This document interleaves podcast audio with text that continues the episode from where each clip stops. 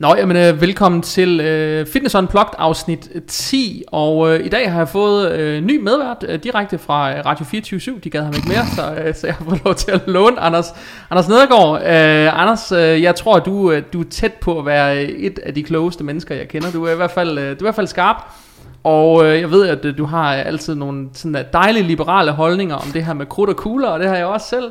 Og derfor har jeg egentlig spurgt dig, om ikke du vil komme ind og sige noget, noget klogt om, øh, om det her med krudt, fordi jeg synes, at debatten er lidt sådan, øh, debatten er lidt styret af, hvad der sådan er holdningsbestemt, og måske ikke så meget øh, evidens på området, og måske også rigtig mange af de her øh, folk derude i industrien, som egentlig bare har store buller, og ikke mener, at det har en konsekvens at have dem. Øhm, og derfor synes jeg egentlig, det kunne være sjovt at have dig med. Øh, så velkommen til. Tak. Anders, øh, til dem som ikke aner, hvem du er, eller hvorfor du er Brainy, kan du så ikke øh, prøve at starte med at introducere dig selv, og så fortælle lidt om, hvem du er, og hvad du laver, og hvorfor du laver det? Øh, jeg kan prøve. altså, men øh, ja, jeg hedder som sagt Anders Nedergaard. Jeg er ekspatrieret hedeperker 6900 fra Skjern. øh, og jeg er uddannet biokemiker og humanbiolog, og så har jeg en Ph.D. i, jeg plejer at kalde det muskelbiologi. Altså men en Ph.D. har jo ikke et område, den er bare knyttet til et fakultet. Men jeg lavede, Ja, ja. Det, jeg lavede det på det sundhedsvidenskabelige fakultet, mens jeg var på Bispebjerg på idrætsmedicin. Mm-hmm. øh, hvor det handlede om øh, sådan noget proteinstofskifte i muskler og sådan noget molekylær biologisk signalering primært med relation til muskelskade. Der var en lille smule af sådan noget proteinsupplementeringsforsøg i det også. Øh, og så var det egentlig, øh, jeg var meget, blev meget fascineret af det der med muskler, da jeg var sådan noget slut teenager. Jeg var helt sikker på, at det skulle redde mig og sørge for, at jeg blev et helt rigtigt øh, voksen menneske, som Er, du få lov- ble, er du blevet helt rigtig så? Jamen det er blevet med det. Det tog lidt tid at finde ud af, at det ikke handler om det der med bulerne. Altså, jeg er elendigt skruet sammen til at få store muskler. Jeg er meget bedre til at løbe og sådan noget. Det er bare af en eller anden grund, så det er ikke sjovt for mig. Øh, men jeg var helt, ligesom helt sikker på, at det var det, der skulle til dengang. Og jeg, jeg har sådan en patologisk... Øh, sådan, jeg er nødt til at sætte mig ind i ting. Øh, og det var egentlig, det var faktisk, det var faktisk fordi jeg var interesseret i det, det var ude, at jeg begyndte at læse biokemi. Jeg troede sådan, det var det, man skulle læse for. Jeg var, jeg var, jeg var, jeg var, så, jeg var så uoplyst på det tidspunkt, at jeg ikke rigtig havde, havde fattet, at hvis man rent faktisk skulle lave noget, noget med det at gøre, så skulle man læse fysiologi, eller medicin, eller farmakologi, eller sådan noget. Men, Ja, ja. Øh, sådan er det. Så var der Kan biokemi ikke også et eller andet i den? Nej, det kan jeg ikke en skid. Nå, Øh, meget lidt i hvert fald. Altså man havde, man havde, man havde mulighed for at tage sådan et enkelt fysiologikursus. ja okay. Øh, og jeg kan ikke huske, om de havde noget, der hed human biologi, sådan et øh, 15 SATS points Men det var, det var virkelig ikke særlig Nej, det meget. er ikke det, det, fede ved det, det, det fede ved det er jo, at man kan sige, at, at jeg kommer til at lære alt det der, sådan noget laboratorieknald.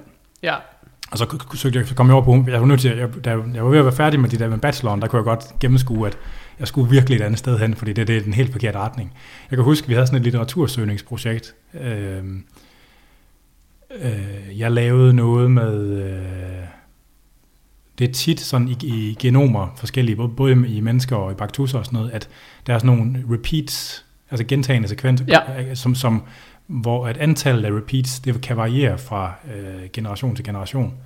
Og så kan det nogle gange påvirke genfunktionen. Og jeg har lavet det her litteraturprojekt, der handler om, hvordan øh, øh, meningokokker, altså men- med meningitis øh, bakterierne, øh, eller den, en af de bakteriestammer, der kan give meningitis, hvordan de kan bruge det til at styre, nogle overfladeproteiner de eksponerer, sådan så at immunsystemet er svært ved at finde dem. okay.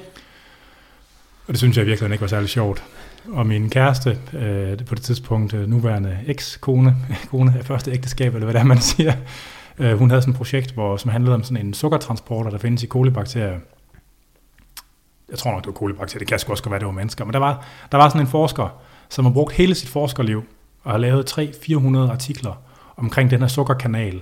Og rigtig meget, det handlede om, der var sådan, det er tit sådan nogle sukkerkanaler, øh, der sidder i membranen på, øh, af celler, overflademembranen af celler, at de består af sådan nogle, altså at den, de- den del af proteinen, der går fra ydersiden til indersiden, det er sådan nogle spiraler, sådan nogle helixer. Ja, ja. Og så er der noget, så er der noget knudeværk, og så går der sådan en helix tilbage, og så er der noget knudeværk, og så er der sådan et, og så det sammen, så kan de lave sådan noget rør, hvor det der sukker, det kan sive igennem. Ikke?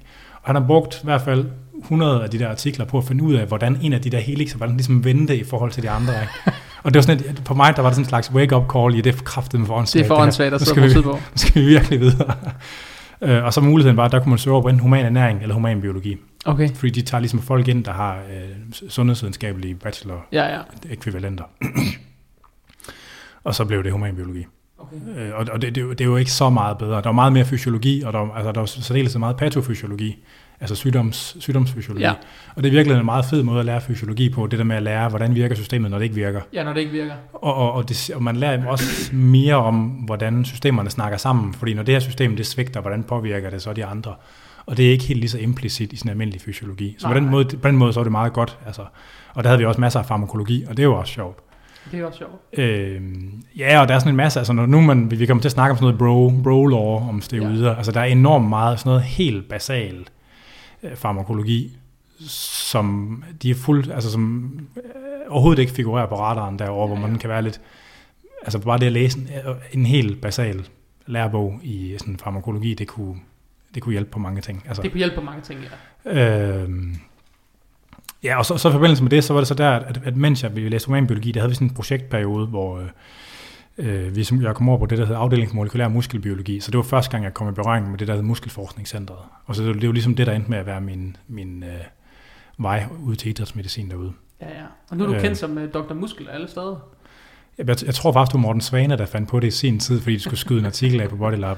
Øh, og i virkeligheden, så jeg, jeg, synes, jeg, jeg har det jo super stramt med ting, der er sådan lidt taggy og cringe. Og Og sådan. alligevel har du selv brugt det på Radio 24. Om det er, fordi jeg ved, at man skal have noget, der er mere mundret Ja, og huskbart end Anders Fabricius Nedergaard eller Anders Nedergaard. Det, er bare, det lyder bare fucking røvsygt, ikke? Det er jo ikke som om, at man hedder sådan Obutu Jensen, eller sådan, Nej. eller, eller så det, det, det, fungerer bedre, hvis man har sådan en, noget kort og skarpt. Sådan, så. det, sådan lidt ligesom i Venner, da Phoebe hun skulle hedde Princess Consuela Banana Hammock, og hun fandt ud af, at det var navnet på en mærkelig bikini stedet for.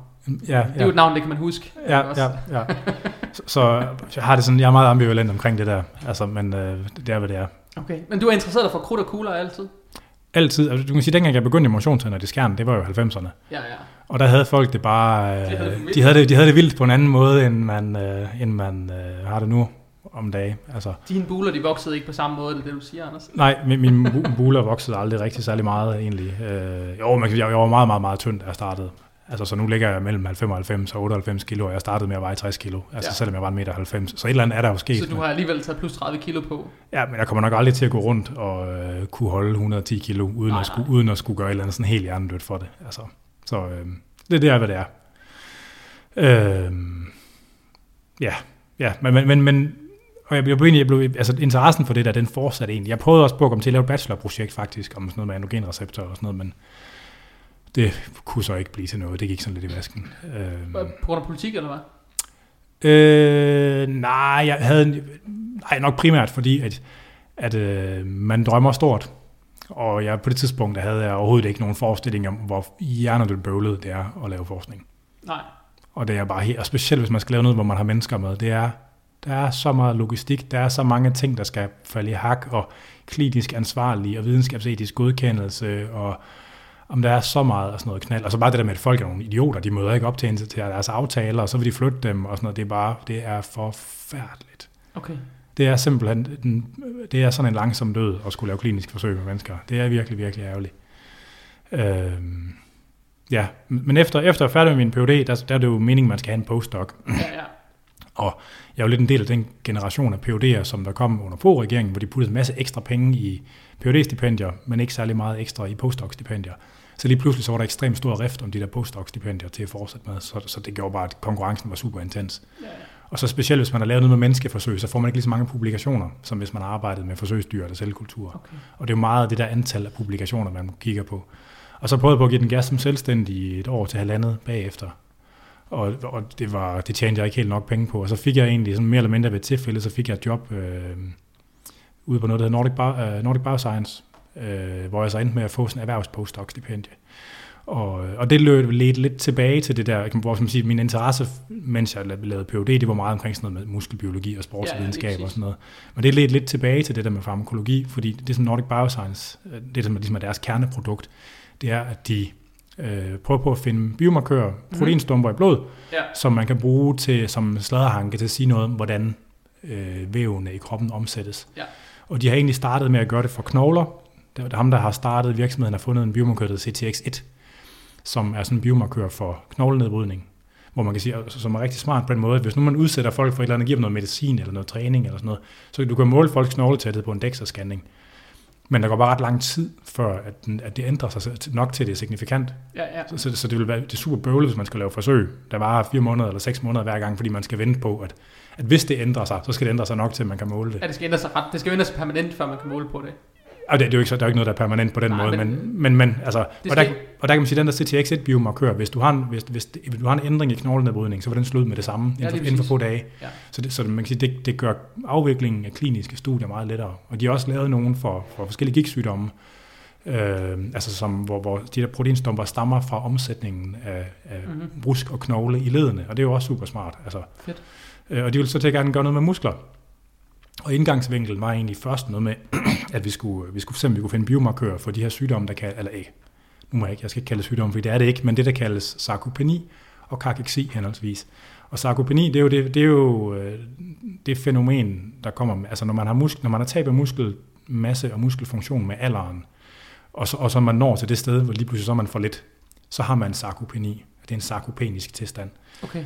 Øh, og det, det, det vender jeg lige tilbage til. Og det andet, det kan kakeksi, det, det, det er i forbindelse med, med sygdom. Ja. Altså så, så i virkeligheden, altså så musklerne, de fungerer ligesom sådan de der, jeg ved ikke om du kender den der, analog, den der historie med de her miniundulater, man har brugt, fordi de dør hurtigere, hvis der slipper gas ud, end øh, mennesker gør.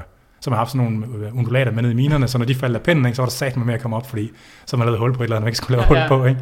Og, og, og musklerne, det er sådan lidt det samme i forhold til sundheds, sundhedstilstanden. Lige så snart, at man har en eller anden sygdom, et organ, altså en, et, et organ, der ikke fungerer ordentligt, eller en ringe insulinfølsomhed, eller et eller andet det der, så kan man bare se, at så taber man bare muskler hurtigere, end hvis, Ja. det, end hvis det fungerer. præcis, det gør man. Øh, og der, kan man sige, jo syre man er, jo hurtigere går det. Og Ja. ja. hvis, hvis noget kritisk sygdom, altså øh, voldsom brændsår, øh, kraftsygdomme og sådan noget. Folk, der har fået kemo, der kan man bare se, de forsvinder bare. Altså, der, der, der kan det gå rigtig, rigtig det kan hurtigt. gå ikke? virkelig hurtigt. Og, og den tilstand kalder man så kak- kakeksi. Ja, ja. Og det er jo sådan en lidt mere kritisk øh, tilstand. Øh, og, og, og der er jo så nogen, der, der er sådan lidt diskussion, om det så er meningen, det skal være to forskellige tilstande, eller om det er bare et spektrum. Ja. Og altså, jeg tror for godt folk, de fatter ligesom, hvad det går ud på. Men, men det er egentlig sådan, at, at øh, lægemiddelindustrien, de kunne virkelig godt tænke sig at få i tale sat muskelsvækkelse som en sygdom, eller et syndrom, der skal behandles. Fordi så har man lige pludselig et meget, meget stort segment af mennesker, der skal have medicin i rigtig mange år. ja. Og den der, den der, den der type scenarier, det kan de rigtig godt Og lide. det giver penge i kassen. Det giver rigtig, rigtig, rigtig mange penge i kassen. Det kunne de virkelig godt tænke sig.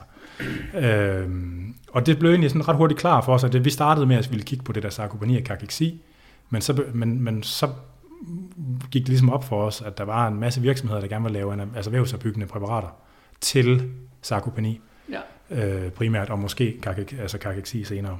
Øhm, og de spurgte sådan, "Hmm, hmm, kan vi ikke øh, kan vi gøre et eller andet, ikke? Og så, så drev det egentlig mere og mere over imod det der med at skulle finde anabolisk respons biomarkør. Ja. Øh, og det, det gik så ikke særlig godt, fordi det er åbenbart bare virkelig, virkelig svært. Altså det er sygt svært. Altså, øh, det, det man kan gøre, det er jo at måle proteinsyntese. Og det er bare virkelig, virkelig omstændigt. Det kræver, at man får fat på nogle stabile isotoper og har adgang til en cyklotron. Og, altså det, det, det kommer ikke til at ske. Nej, Altså, det kommer ikke til at være noget, man bruger, så man vil gerne finde et eller andet, og det lykkedes så ikke i løbet af den der postdoc. Men, men det er der en kæmpe interesse for, og det var egentlig, så kom jeg egentlig i forbindelse med, med den del af lægemiddelindustrien, der prøver på at lave vævsopbyggende præparater. Altså, og det er jo så, i, i, i den her tid, der har det så været specielt de her samer, som, øh, jeg ved ikke, om vi skal snakke om det nu, eller til dem senere, Og vi skal i hvert fald snakke om sammen på et tidspunkt. men, men også myostatinhæmmer. ja, ja. Fordi det er jo sådan, at alle de der steroider, der bliver brugt i dopingsammenhæng nu, de blev opfundet i det, som man kalder steroidbiokemiens gyldne æra i 50'erne, Ja, ja. fra 40'erne til 50'erne. Fra 40'erne til 50'erne. Det er alle det Stasi-soldaterne, der de suste rundt og havde det for vildt på. Det er jo i virkeligheden det samme, der bliver brugt i dag. Mere eller mindre. Ja, vi har, præparaterne det, det er jo så er efter, mint du Stasi eller nazi? Ja, nazi. Fordi, fordi nazisterne, det, det, det var ikke opfundet under 2. verdenskrig. Det er Nej, først nej. efter. Øh, jeg tror, den første gang, det, nu kan jeg ikke huske årstallet. Kom der, er det nogle af de der præparater, der er der noget af det, der kom frem under 2. verdenskrig? Nogle af de første præparater, de kom der frem der omkring. Ja, men den, da man begyndte først at kunne syntetisere testosteron i store mængder i 42 eller sådan noget. Nå, okay. Så, så Men jeg synes, jeg synes bare at se nogle artikler omkring, at noget af det, det kom frem under 2. verdenskrig. Så nogle af de første sådan anabole steroider, man har snakket om det lidt, som om man lavede sådan nogle supersoldater. Ja, men det, de, altså de brugte jo, nazisterne opfandt metamfetamin. Det var, altså Hitler, han var jo helt skudt af på meth. Ja, ja. Uh, nu skal jeg, jeg hvis det er okay, jeg lige ser, om jeg kan finde præsentationen, for jeg, jeg har årstallet til at stå her et eller andet sted. Uh, fordi man, og man, altså først så afklarede man strukturen af testosteron, og det har været slutningen af 30'erne. Og det er jo ligesom nødvendigt at kende strukturen, for man kan syntetisere det. Mm. Og så blev der offentliggjort en syntese, altså en måde at syntetisere det på. Øh, og bagefter, men, men den var ikke særlig praktisk, fordi man kunne kun syntetisere det på kolesterol. Og det er ikke, særlig, det er ikke lettere at få fat på kolesterol. Nej, nej. Altså, så det gav ikke rigtig noget. Men den næste syntese, det var fra et plantestævud, det hedder diosgenin. Og det kunne man få fat i i store mængder. Og det var ligesom derfra, at det tog af. Jesus Christ. Nå, det, jeg kan ikke lige finde... Øh... Jeg synes bare, jeg havde læst et sted, at der var de første, at de første anaboler, der de var kommet frem der omkring 2. verdenskrig. Og blevet brugt under krigen også. Nu kan jeg bare ikke huske altså, præcis, hvad det var. Nu fandt jeg den på at se her. Øh... Se her. Nej. Øh... 35 afsløres øh, den første øh, strukturen på Mhm. testosteron, og senere samme år, der kommer øh, den her syntese for kolesterol. Og så har jeg ikke tallet på det sidste. Jeg tror, det er enten i 38 eller 39, så at man Så- begynder at kunne syntetisere det for diosgenin. Ikke? Og det er jo, det er jo Ja. et state of the art shit. Men så er det heller ikke helt utænkeligt, at det faktisk Nej. har været brugt under krigen på den måde. Det første, ja, det ved, det ved jeg ikke helt. Det første studie, der findes overhovedet, hvor, det, hvor, man, hvor man bliver opmærksom på, Ja, ja. at det er vævsopbyggende, det er fra 1940. Det er den første gang, det er nævnt overhovedet, Ja, ja. at androgener kan være vævsopbyggende. Det Så, er sindssygt. og 2. verdenskrig stoppede jo i 42, Ja. ja. så det er sådan lige, Jamen, det, ja, det kan sgu godt være, du har ret. det er sådan lige på kanten. Jeg tror Så ikke på det, vil jeg sige. Nej, jeg synes bare, det kan, det kan da godt være, at jeg tænker på noget andet, men jeg synes bare, at, øh, jeg synes bare, der har været et eller andet med det, et eller andet sted, men jeg kan ikke engang rigtig huske, hvad det var. Jeg synes bare, jeg har læst det, eller hørt det et eller andet sted. Men stimulanser har de jo brugt i Ja, vildskab. ja de, det var det brugt i Altså, vildskab, jo. Altså, Ja, ja. Og der blev opfundet mange lækre stimulanser på det tidspunkt. Altså, men, og det, altså, men alle steroiderne blev opfundet i den her periode. så der var, jo, der var jo den her, der var jo den her dopingskandale i øh, 90'erne en gang, tror jeg, der hed Balco-skandalen, Ja, som jo førte til, at man ligesom opdagede nogle nye steroider, fordi ham, øh, en fyr, der Patrick Arnold, som i øvrigt er ret sjov, ham kan jeg anbefale at følge på sociale medier, hvis, øh, han har simpelthen gjort det til sit livsværk og pisse de amerikanske antidopingmyndigheder i ansigtet. Det var ham, der opfandt prohormoner, øh, altså de her 1AD og 3AD Ja, og sådan noget. Altså, og det var ham, der opfandt, øh, eller fandt, opdagede, hvad hedder det, øh, det der, der var i Jack 3D, øh, metyl, det- metylhexenamin. ja lige øh, præcis, ja. det var også ham, der fandt det. Og så var det ham, der fandt de her dopingstoffer, som der brugte i Balco, øh, i Balco-sagen også. Og, det, og det, de det var jo nyeste steroider, men måden han fandt dem på, det var faktisk ved at kigge i gamle, patentans, altså gamle patentbeskrivelser tilbage fra 40'erne og 50'erne, hvor man opfandt ligesom hele den der gruppe af steroider. Så jeg tror, altså nu, nu er der jo så kommet de her, sådan, øh, den første gruppe af prohormoner, det var sådan noget, det var noget sjask. Det var noget sjask. Men, Men, men nu, nu er der kommet nogen, hvor der sådan er legit smæk for skillingen. Der er kommet det der halodrol og superdrol og sådan. Jamen er det ikke stoppet igen, fordi det blev jo flagged for, er det nu være, nu- er det en 3-4-5 år siden, hvor det begyndte at blive flagged i USA? Øh, Og altså i dopingøje med, der er det lang tid siden. Der er det meget lang tid siden. jo, men du skal jo ikke, altså du skal jo ikke ret, kommer du 5 år tilbage, så kunne du gå ind i en uh, almindelig GNC-butik i USA og købe sub, altså prohormoner uh, fra hylden af. 5-6 år tilbage, så det, det, det kunne du. Det kan godt, om det ikke været lovligt så i hvert fald. Det kunne du. Der, der, der har været nogle af de der, fordi der har været nogle problemer med... øhm, Kender du Blackstone Labs? Ja. ja. Blackstone Labs blev berømte for det der Super DMC, de havde. Ja. Og det kunne de jo sælge, fordi at det endnu ikke var blevet flagget som sådan en gråzone-præparat endnu. Ja. Så det har jo været sådan noget med, at så kom Superdrol, og så blev det flagget. Så kom der bare noget nyt til at erstatte det, Ja. som var lidt anderledes. Og så blev det, og så, så FDA, de har haft travlt. Ja. Men indtil for, hvad, 5, 6, 7 år siden, der har GNC Stores og alle de andre kosttilskudsbutikker jo haft det bag disken. Men, men, Så. men halodrol og superdrol, det er helt legit fuld Ja. smæk på. Altså, øh, og det, det, er jo lige så potente som almindelige steroider. Ja. Altså, sådan, altså jeg tror nok, så vidt jeg husker, så er den ene af dem, det er også en ting, man har opdaget tilbage i de gamle patentting. Og den anden ting, den er vist nok helt legit ny. Men altså næsten alt, det stammer der fra steroid. Ja, ja. Uanset hvad, så det hele, det ligner jo lidt hinanden, kan man sige. Det kommer Ja. lidt sammen. Ja, ja, ja. Det er den samme gryde, som Obelix han nok faldt i i sin tid. Jo, jo, og det, det er jo det samme for, øh, altså for glukokortikuder. Altså alle former for binyrebarkhormon, analoger, dexamethason og betameson og øh, hvad det nu det hedder, det der, som folk med kol får. Øh, det der helt blæste noget. Det ved jeg ikke. Øh, nå, det er lige meget. Øh, og alle former for østrogen, erstatning, alt det der, altså det som det stammer, der var bare, man opdagede ligesom, hvordan det der det Det er den virkede. samme tid. Ja, men, og, og, og, og det er jo så er det værd at bemærke, at steroider, steroidmolekylet som signalstof findes jo i næsten alle grene af livets træ. Altså det er sådan, det, det, i pl- planter har også masser af steroidhormoner og insekter og sådan noget, så det findes hele vejen ned. Svampe. Øh, jeg kan ikke huske om, jeg kan ikke huske om bakterier har, det tror jeg nu nok, de har faktisk. Det er, nok, det er nok over det hele, Ja. kan man sige. Ja. Det kommer jo et sted fra, vi kommer jo alle sammen fra den samme bakterie et eller andet sted, ikke? Så, Ja. så det kommer jo et eller andet sted fra, og det må jo også være de fleste organismer på en eller anden måde. Ja, ja, Men ja.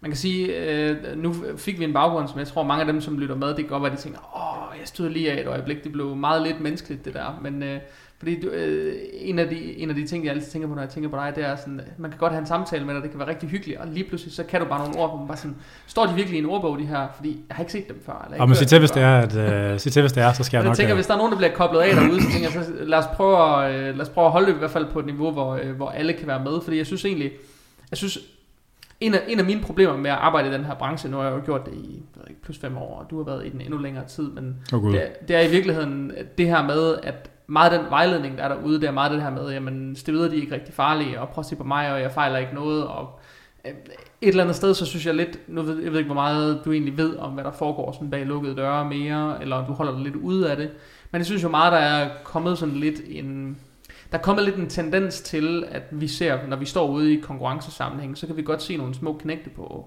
70-75 kilo, som Der har det rigtig vildt. de har, de har det vildt. Altså, de har måske fået øh, et par gram steroider om ugen, eller sådan et eller andet, hvor man bare tænker, og du kommer ind, du vejer 65-70 kilo, og du har ikke fået mad i, i 10 uger, fordi du tager på, hver gang du spiser noget.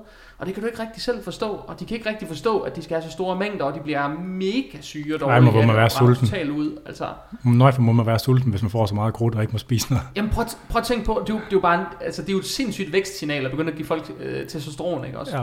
Og, og, hvis du så samtidig skal modvirke, at de tager på af det, så, så får de ikke noget at spise nærmest, vel? Så lever de, du ved, jeg plejer at sige, tre salatblade, så må de slik, slik på en mandel eller et eller andet, så det er Ja. diæten, ikke?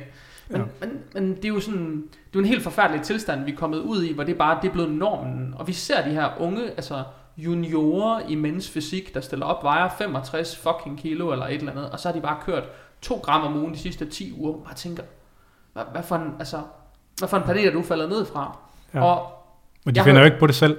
de find, og det er det der er mit problem, de finder ikke på det selv. Og noget af det, jeg har forsøgt at forklare folk, det er, hvis, simpelthen, hvis du tager udgangspunkt i 1 ml testosteron, for eksempel lidt 250 mg man får, så er det lidt afhængig af, hvordan man sådan optager det i kroppen. Så har man måske, det ved jeg ikke, hvad har man måske mellem 8 og 16 gange ens naturlige øh, sådan, niveauer, lidt afhængig af, om man ligger Ja. lavt eller højt, og hvordan man syntetiserer det. Så man kunne godt ligge rigtig lavt og syntetisere det virkelig godt. Sådan en, sådan, en, sådan en idé kunne der godt være, for eksempel. Og der kunne også være nogen, der lå super højt, men optog det virkelig dårligt. Så ens respons over for det vil være forskellig, men det er bare det, jeg tænker, hvis man bare siger, at man er 8 gange sine naturlige værdier på 250 mg, men så skruer den op til 2 gram. Det er næsten 10 gange så meget. Ja. Så man derude, der, du ved, der begynder at komme så mange decimaler på, at det, det begynder at blive åndssvagt for at stå og veje 65, 70, 75 kilo, og se hakket ud i bruncreme i skarp lys. ja. Hvordan er din holdning til alt det der? Altså, Hvor meget af det møder du af det der? Øh, altså, jeg elsker jo at sladre om steroider. Men jeg, jeg, og det er jo... Øh, og det er jo sådan en klub også. Så det er jo, det er jo sådan et lukket community ofte, Ja. ja. ikke? Så, så, så, så, hvis ikke man har de der buler, så må man ofte ikke rigtig være med. Ikke? Nej. Jeg, jeg er jo pisse ligeglad. Folk de må grute sig selv ihjel, hvis de har lyst til det. Ikke? Altså, og, og der er jo noget, altså, der er jo lige, måske lige sådan en, en disclaimer. Ikke? Det er jo, der er jo grundlæggende noget med et politisk i, om man synes, det er okay, man gør det, eller ej, Ja. i forhold til civile samfundet. Og der er min, og det er jo sådan et politisk standpunkt, at det må folk selv om, så længe det er et Mm. oplyst valg. Enig. Men problemet er så, om det er et oplyst valg, fordi og, og, og, og der er en masse incitamenter omkring det, der, der gør, at det bliver et mindre oplyst valg. Ikke? Og noget af det, det skyldes jo, at civilsamfundet har det der syn på steroider, at hvis man kigger på dem, så springer ens hjerte i luften, ikke? fordi det passer ikke. Øh, og omvendt kan man sige, hvis man kigger over i miljøet og bruger, så kan man finde en kæmpe stor vilje til at, at øh, afskrive uhensigtsmæssige effekter. Ikke? Ja, ja. Så der er sådan et meget polariseret miljø, som i virkeligheden i virkelig høj grad modvirker muligheden for at have et oplyst valg omkring Ja. det. Ikke? Og, og så er der også den her dynamik med, at, at man, man gør jo ligesom den største motionscenter gør, ikke? Men at hvis der er en fyr, der står og har armbold 60 cm, eller kan squat 300 kilo, så er det jo ikke som om, at man siger, hold kæft mand, du gør, hvad, det er man med stærkt det der. Så er det jo ikke som om, man siger, at jeg tager sgu også lige 500 mg test og træning i ugen. Altså, der er en Nej. grund til det, ikke? Så det, det, sådan fungerer det jo ikke. Folk, de vil ligesom gerne, de vil gerne selv claime succesen på deres, egen, deres egen indsats. Ikke? Og man kan se jo, at den der debat, den dukker op hele tiden. Og det er jo ikke for at sige, at at, man, at en bodybuilder eller en fitness det ikke er på en hård diæt, eller ikke træner Nej, hårdt. Ikke eller sådan gør det, ikke gør det godt, eller hvad skal man sige? Øh, de får bare meget, meget mere for smæk for skillingen. Ja, altså, og, og, hvis man kunne have en mere åben, hvis man, kunne, hvis, man kunne have, hvis man kunne have en mere åben debat om det, og folk rent faktisk snakkede om det, så var der jo en chance for, at, at lille Dennis på 16, at han vidste, hvem der er på krudt, og hvem der ikke er på krudt. Ja. Fordi så man havde en, en idé om, hvad der var realistisk at opnå og ikke opnå.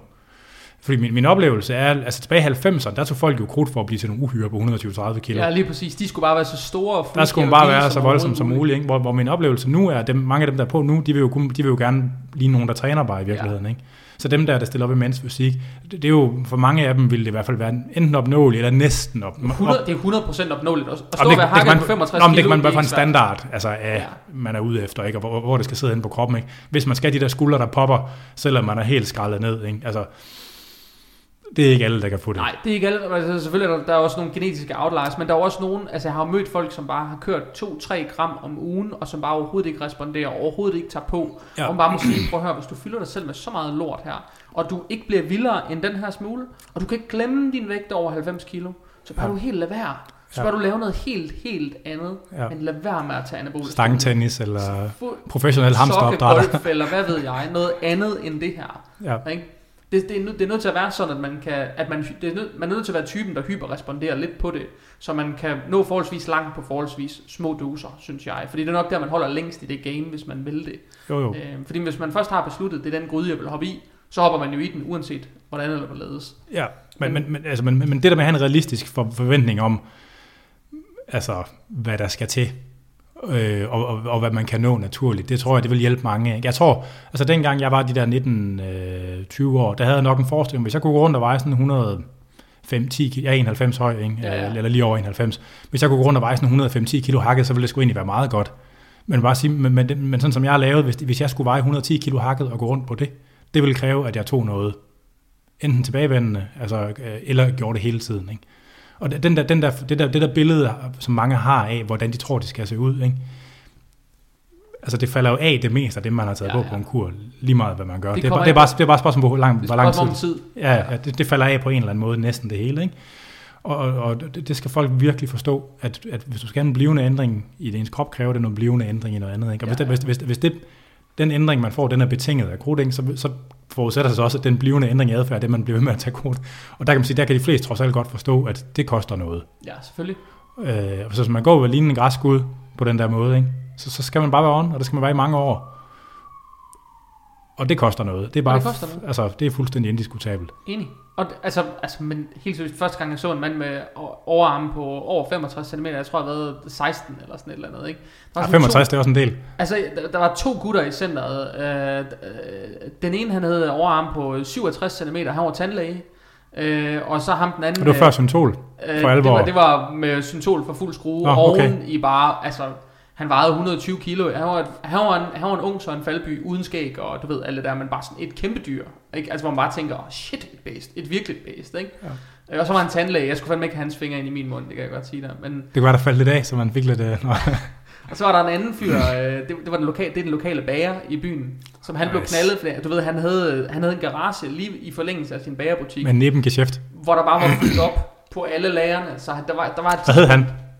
Uh, det, det tror jeg ikke, jeg skal sige på uh, sådan i en podcast. Men, uh, der, var, der var en anden bager i Vestjylland også, nemlig, som havde en ret vild biks. Jamen, det er her i Vejle lokalt. Okay. Så folk, der bor lokalt i Vejle, de ved, de ved godt, hvem det er. Men han havde så. flere bikser, nemlig ham der også. Han havde flere bagerbutikker. Det kunne godt være, at han havde... Og det kunne faktisk godt være, at han, han fik beslaglagt en... Det var, han var forhånden bokser, jeg ved ikke, om det... Uh... Det ved jeg sgu ikke. Nå, okay. Han havde en BMW M5 dengang, og han havde sådan en uh, Mercedes uh, E-klasse AMG, eller hvad fanden det var dengang.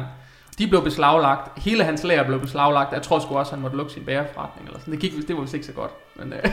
Krudtboller. Men det er første gang i mit liv, jeg har, og det var flere i det der center, der bare hed arme på plus 65 cm. Ikke? Og så det er første gang, jeg er blevet introduceret for det. Ja. Ikke? Så allerede dengang har jeg godt vidst, at ved, der er nogen, der har det for vildt. Ikke? Ja, men hvor, du, har, hvor gammel er du? Er? Jeg er 29. Så du er lidt for ung. Hvad, har du været på Body House? Jeg har været på Body House. Altså ikke Facebook-siden, men Den rigtige Body House. Ja, det oprindelige, yes. Jeg kan godt huske, hvordan det var at sidde på internettet. Det var dengang, der stadig var cool ind i musen og sådan noget, før man havde fået sådan øh, med, med optisk et eller andet øh, lys Ja. under. Eller sådan Der var jo sådan en, inner, der var jo sådan en, en, en, ekstra, ek, sådan en, en ekstra eksklusiv klub, der gemte sig inde i Body House. Det var inderkredsen. Jamen, og der, der, huske havde, der havde folk det lige, der, der, kunne man, der kunne man kun blive inviteret ind og sådan noget, og det var, der blev handlet våben, og altså det var sådan, det var sådan, det var, det var, det var vildhed på den helt høje Jamen, klang. jeg ved godt, der, der er sket nogle ting på Body House. Jeg tror egentlig, det, det er sgu nok godt nok, det blev lukket i sin tid. Men, Ja, jeg kender ham, der startede, han kom fra Tarm af. ja, det ved jeg godt, ja, du har fortalt om det før i et afsnit engang. Har du aldrig haft dig med i en podcast egentlig? Øh, nej, jeg, jeg, ved, jeg ved heller ikke helt om, han, han lever jo et helt andet liv nu. Han er jo helt ude af alt det der. Det er ligegyldigt, han kan da bare være med alligevel. Ja, måske. Han er blevet, han er blevet kristen. Han blev kristen, Han er blevet rigtig kristen. Han fandt en kristen kone, og så og så vid sit liv til Gud i stedet for. ja, fik noget, noget angel... Nej, nu stop. Men det kan jo, han har jo tidligere sikkert fået noget, noget angel substans, så det kan jo være, at han Mås- bare måske. fik brug for noget nyt. ja. Ikke? Men øh, ja, Folk, der søger mod ekstremer, de søger mod ekstremer. det er Det giver rigtigt. måske egentlig meget god mening. Lige, lige og specifikt i det der tilfælde, der giver det ekstremt god mening. Så det, der er jo altså en årsag til alting. Men nej, Jeg kan huske før, før det der Body House startede, der var han også en multi sådan pyramidespil, Herbalife pusher. okay. Så han brændte ind med sådan en garage fuld af sådan noget Herbalife lort til 30.000. Åh, det var en fest. Der, var, Åh, ja. der er stadigvæk nogen, der har det for vildt med Herbalife. Som Ja, det er der sgu. Altså indimellem så ser man, så kommer, der kommer lige sådan et rull af de der Herbalife-lignende produkter, hvor det er alt sammen det er sådan noget pyramidespil, og Ja. folk de sælger slankepiller, som, hvor du garanteret taber dig 6 kilo, og sådan noget, hvor det var sådan, det er for sjovt. Det er fordi, det er orme, ormeæg. Ja, så forsvinder det igen. Nej, men jeg synes jo bare, at der er et problem i, at vi har, vi har fået skabt en industri, hvor det er sådan, du ved, hvis du går ud og hyrer en træner, for eksempel en coach, hvor du, du skal have hjælp af. Sorry. Øh, ligegyldigt. Øh, det var en salgbøsse. men hvis, hvis, du går ud og hører, hvis du går ud og hører en coach et eller andet sted, og siger, okay, jeg skal have hjælp til det og det, så har de ligesom frit lejde til bare at fyre den af på alt. Jamen, du skal tage det her. Og hvis ikke de ligesom vil, så er det bare sådan, Nå, så er det ærgerligt. Det er meget sådan den mentalitet, der har været. Den er blødt en lille smule op, men den er der stadig rundt omkring. Altså, jeg har, jeg har godt nok også hørt de her eksempler på folk, der har skulle stille op, og så er de mødt, så er de været ude hos en coach, og så har de fået opskriften, hvor de har sagt, det er for meget det der, det kan jeg ikke tåle.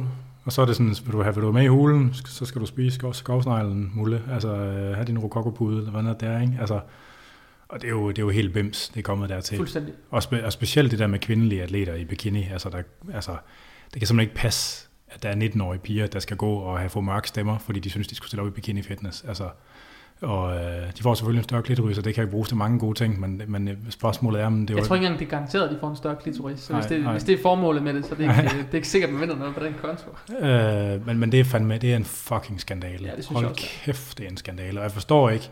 Pro- Problemet er jo nok lidt, at, at nu kan jeg ikke huske, hvor mange er der, der er skrevet op til newcomers. Var det 600 atleter, eller 400, eller Nu her? 500, eller sådan noget? Nu her, Uh, nej, det, det, det peakede jo der for et par år siden, det hvor der var allerflest. i 2015, tror jeg, der Men det var, jo- det, var, det var flere hundrede, der var skrevet op, ikke? Jo, altså 2015 tror jeg, der var plus 550 deltagere. Året før, der blev der sat verdensrekord på et IFBB-stævne med 516-17 deltagere eller sådan et eller andet. Okay, men, men så, så, slog det den året efter. ja, altså, og det gør jo selvfølgelig, at, at mange af dem, de vil have hjælp af en coach, og så mange bikini fitness coaches var der ikke på det tidspunkt, og så de spurgt nogle bodybuilding coaches. Og, så, og som man råber, får man svar i skoven.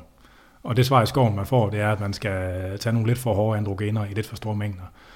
Øh, men det, det, det altså der, der det, jeg, jeg ved ikke, øh, hvorfor at det, man som voksen skal stå og sige sådan noget til andre, men hvorfor er de penge, de kan tjene på det, vigtigere end at opføre sig som helt almindelige, ordentlige Lige mennesker? præcis. Det forstår jeg simpelthen Ja, ikke. for det synes jeg også samtidig, man har, et eller andet, man har en eller anden form for et etisk ansvar i det der. Jamen ikke kun et eller andet, men når man har ansvar for, altså når, man, når folk kommer for at få hjælp til noget med deres krop, så har man ansvar for deres krop, ikke? Og, og øh, altså, det, det er bare på så sindssygt mange måder ikke i orden. Nej. Øhm, Så det der overdrev, det noget ud på, det er vi enige om, det ikke er i orden. Tror du, men tror du på, at, tror du på, at der findes en, nu siger jeg, jeg skal passe på, man kan det en sund måde at gøre det på, men tror du, der, tror du, der findes en sundere måde at gøre det på, eller en måde, som ikke nødvendigvis er ufarlig, men er så forholdsvis ufarlig, at man godt kan gå i berøring med det, uden at det reelt set ender med at blive et problem? Det er det med krudser. Ja. altså formelt set ja, i praksis nej. Altså helt formelt set, givetvis ja. Altså, der er jo grænser for, hvor meget man kan få. Ikke? Fordi man kan, en ting er, at man kan kontrollere sit blodtryk og hematokrit og kolesteroltal og de der ting, som, ligesom, som man formoder har noget at gøre med en sundhedstilstand, og man kan måle, om, man, om ens hjerte tærer sig ordentligt og sådan ja, ja. noget. Ikke? Altså, men man, man, skal, man skal nok ikke kunne regne med at komme til at veje 140 kilo, vel? Nej, men hvis vi snakker om altså helt almindelige unge atleter, der siger, okay, jeg kunne godt tænke mig at, at gå ned ad den her vej, men jeg vil gøre det til det og det niveau, så vil jeg ikke mere. Ja. Altså, man, man kan jo starte med at afsøge nogle lavere doser. Ja, Se, hvor lidt skal der til, ikke? Ja, fordi jeg har det jo sådan, at altså, jeg har det jo sådan, dem som, sådan, jeg møder det jo hele tiden. Altså folk, der kommer og siger, hvad sådan, siger, altså, det bedste, man kan gøre, det er min egen analogi på, hvordan man skal justere en diæt, er jo i princippet, jamen når du går i stå, så skal du lave en regulering. Så får den lidt hak Men du skal i princippet forsøge at gøre, lave så få ændringer som muligt, der skaber den ændring, du har behov for. Når du så går i stå, så kan du lave en ny ændring. Og jeg har prøvet at give folk lidt den analogi, hvor folk de kommer og siger, jeg skal i gang med en kur, så jeg starter med at tage øh, 3 ml test om ugen. Så siger jeg, har du taget noget før? Så siger jeg, nej, men har du overvejet 1 ml? Så nej, det har jeg ikke prøvet. Og det er bare sådan, jamen, det kan godt være, at du, hvis du synes, at det ser det godt, så kan det være, at du rykker 5 kilo lean body mass på, på 12 uger eller sådan et eller andet. Hvis du tager tre gange så meget, de første 5 kilo lean body mass vil være de samme 5 kilo, som du ellers ville have taget på. Der kommer bare det mere på oveni. Ja. Men hvorfor så ikke, du ved, hvorfor kunne du så ikke skalere det op, når det var, at du nåede et plateau, i stedet for at du skulle bryde plateauet med det samme? Det er fordi unge mennesker, de har så travlt, selvom de har så meget tid at give af. Det er så svært at se sig selv være et sted om tre år, i stedet for om et år. Og man synes jo, når man står og er 20 år gammel, så er tre år lang tid. Men, der er jo, men folk brænder jo hjernen af på det der. Ja, men så har det altid været. Og man kan sige, den slags mennesker, som bodybuilding taler til, fordi det er jo sådan en særlig slags mennesker, og det er der ikke noget grimt i. Altså, de har måske endda endnu sværere end gennemsnittet ved at se det der, det, altså, long, altså det lange ja, løb. Virkelig, altså, det er de måske endnu sværere end gennemsnittet ved at se. Øh, men det er jo ikke travlt. I virkeligheden så har de jo ikke travlt. Nej.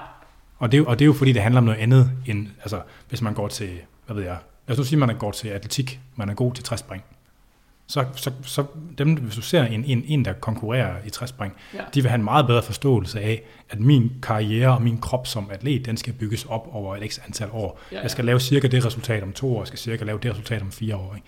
Den der forståelse for at, at afstand til sin egen krop, den ser du ikke i fitnessmiljøet. Nej, nej, og det er jo fordi kroppen samtidig med er en identitetsmarkør. Og man vil gerne have den til at fremstå som den der altså som markør for den identitet, man gerne vil projicere på en eller anden måde. Ikke? Ja, ja. Og lige så snart, at man begynder, lige så snart kroppen begynder at være andet end et instrument for en sport, ikke? hvor det begynder at blive en identitetsmarkør, det er der, man mister evnen til at træffe en god beslutning om sådan noget der. Lige præcis.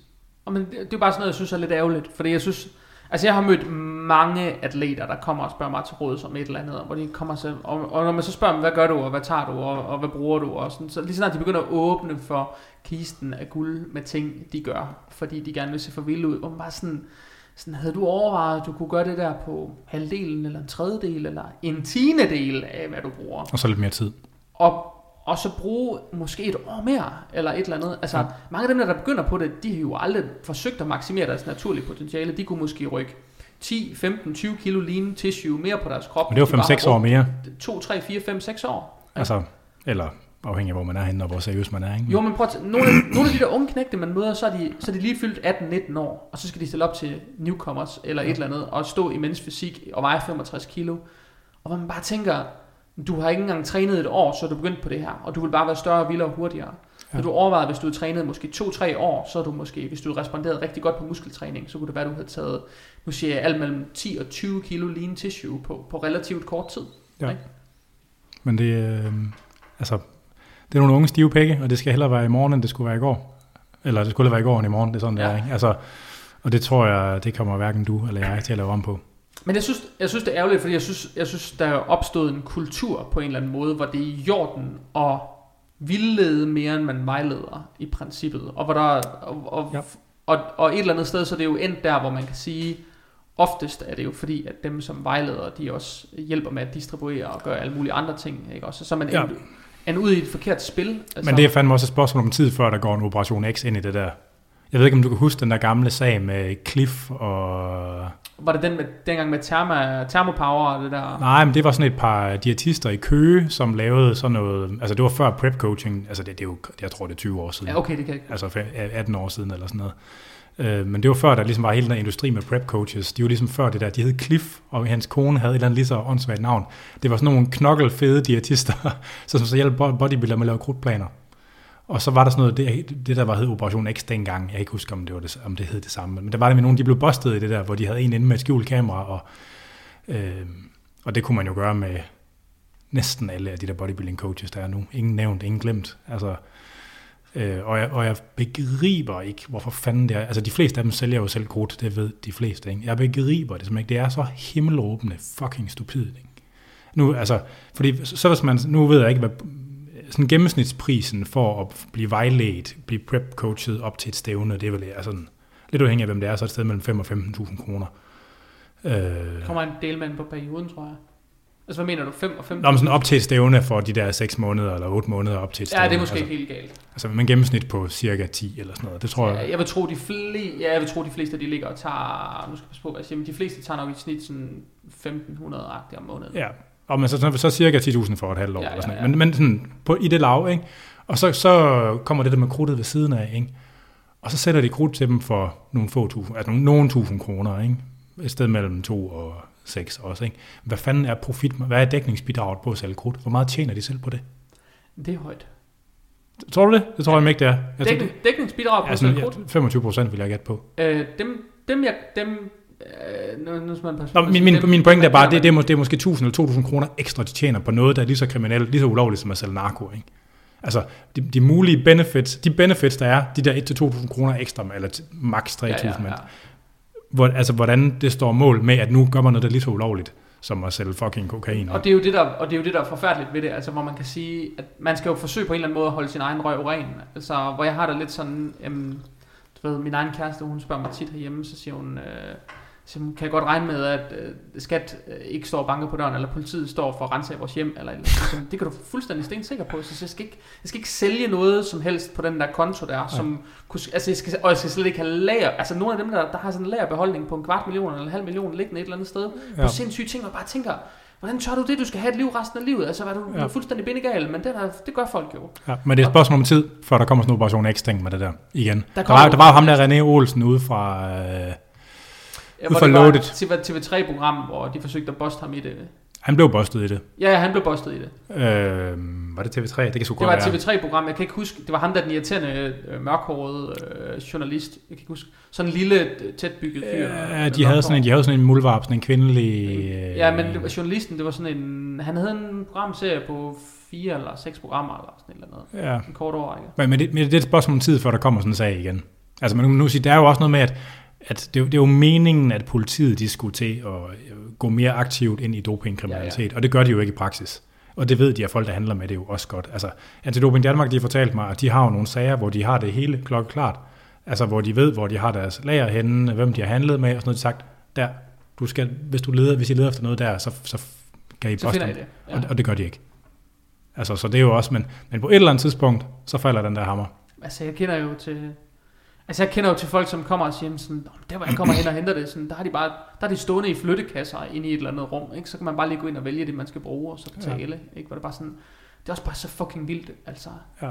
Ikke? Prøv at forestille dig, hvis jeg havde et værelse stående med flyttekasser fyldt med Det, om det er krudtværelset. Fuck, jamen, det er, der, derinde der har vi bare, øh, jamen, fuck det, man. Altså, så har man, men det er, sådan er der jo nogen, der har det. Ja, Ikke også? ja. Men jeg tænker, altså, fordi alle de der distributionskanaler, det hænger jo på en eller anden måde sammen. Jeg tænker bare lidt, altså det er synd, det er synd, at den der etik og moral i hele det der spil, den er blæst så meget ud af proportioner, fordi man kan jo se de der unge piger og unge drenge, der kommer og siger, efter et år, så er de bare brændt af. Så skal ja. De aldrig mere. Men der, man, man, man, man forherliger jo også en, en æstetik og en moral med whatever works Ja. i body- bodybuilding-miljøet. Ikke?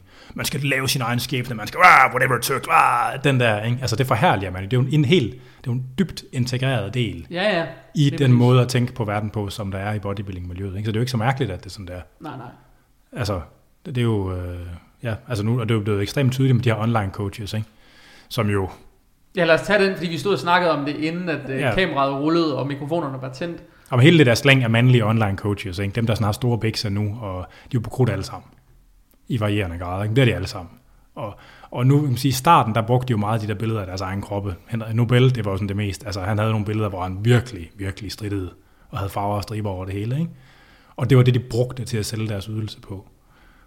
Der, der, der skal folk kraftigt med vide, at han er til krudtet op til langt op over begge ørerne, når han ser sådan ud. Og det, at, og det ved folk ikke. Nå, der, der er jo meget vildere tilfælde end det.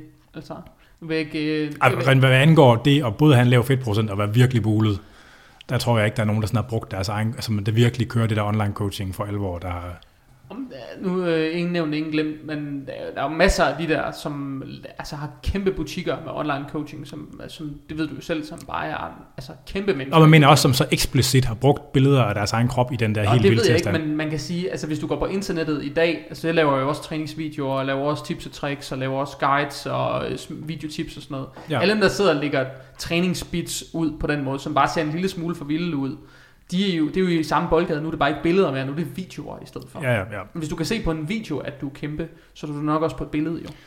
Ikke? Algoritmen Ja. for billeder er bare blevet så dårlig i dag, nu bruger man bare video i stedet for. Ja, Ikke? ja, ja. Til, altså algoritmen for tekstopslag, den er så dårlig, at ingen ser det, hvis du skriver tekstopslag. Ja. Men mindre der er et eller andet, der er alt for vildt. Altså, hvor, hvor man bliver tvunget til at reagere, re- reagere ikke? Jo, jo. Men altså, så skal det være sådan et eller andet med, det ved jeg ikke, et eller andet, et eller andet crazy. Det kommer simpelthen for nogle segmenter, man, man Ja, arbejder lige med, præcis, sige. men du ved, så vil det være sådan en eller anden, øh, et, eller andet, et eller andet vildt, der er sket et eller andet sted. Så skriver man tekstopslag, en eller anden lang rant, Ja. fordi man bare, man vil ud med noget galle, og lige pludselig så er det del af 9.000 mennesker. Ja, Det sker stadigvæk. Ja. Men den der almindelige algoritme for, hvor, hvis du har en eller anden fanside i situationstegn, og hvor du lægger en eller anden, altså for i starten, hvis jeg skrev tekstopslag, sådan lidt blogagtigt tekstopslag Og det kommer min ikke. Facebook-side. Nu når det måske to likes. De første opslag, jeg har på min Facebook-side, er bare tekstopslag. ja, Og de kunne godt få 500 likes, eller 300 likes, eller 250, eller sådan Ja, noget ja. sindssygt. Og jeg tror ikke, jeg har lavere opslag i dag, der får bare så mange likes. Ikke engang halvdelen mere. Nej. Altså, det gør de ikke. Altså, det ryger ud, fordi det, det, det bliver simpelthen sidet fra i en strøm af så meget lort, der er på internettet. Ikke Ja. også? it's a fountain of shit, Henning. Ja, lige præcis. så Det minder mig om ting. Du er Henning Primdal. Jeg er Henning Du er Henning Primdal. Det, Hvorfor det slog mig lige. Jeg sad, du, du ligner ham bare så meget. Du har sådan en lille smule af den der. Jeg, Det er, jeg sad lige og så drengene fra Angora for nylig, så tænkte sådan, gud, det er sgu da ham. Sorry, du skal bare have kasketten, så det jeg skal bare have sådan en ruskensjakke. Ruskensjakke. Sorry, det var en... Hvad er det, Øh, han siger til Bobby? Har du klippet ærmerne af min jakke? har du klippet af med den jakke? Ja. sorry, det var... Øh, Det, det er en ruskensjakke til 500 kroner, eller hvad ja. Ja. han siger til ham. ja, Så han slæbte mig ned i bilen. Ja. Ja. Pisse sjovt, jeg har set virkelig meget drenge fra. Synes du, jeg ligner Henning Primdal? yes. Okay, um, fair nok. Ja, Sorry, det var... Nej, men jeg synes, det er jo den ene del af det, og så den anden del af det, som er sådan ret nyt, det er jo alt det her med, øhm, alt det her med samer, som er begyndt at komme frem. Ja, Men jeg har det lidt med samer, som jeg havde det med prohormoner, øh, på den måde, at jeg ved ikke, om man kan kategorisere dem på samme måde, men jeg har det lidt sådan, at der er nok så lidt evidens omkring det, at man ikke ved, hvad er den langsigtede konsekvens. Men du kan efterhånden godt finde ud af, hvad er den langsigtede konsekvens ved at gå til testosteron i mange år, fordi du er faktisk begyndt at komme, at komme studier ud på. masser. Men du har den bare ikke på samer, for eksempel. Nej, Nej. På samer, det er lidt sådan en hit and miss. Altså, stik Ja. fingeren ud af vinduet og gæt, hvordan vejret bliver om en uge. Det er lidt det samme med en sarm. Nu finder jeg lige... Jeg er i gang med at skrive på en artikel om det.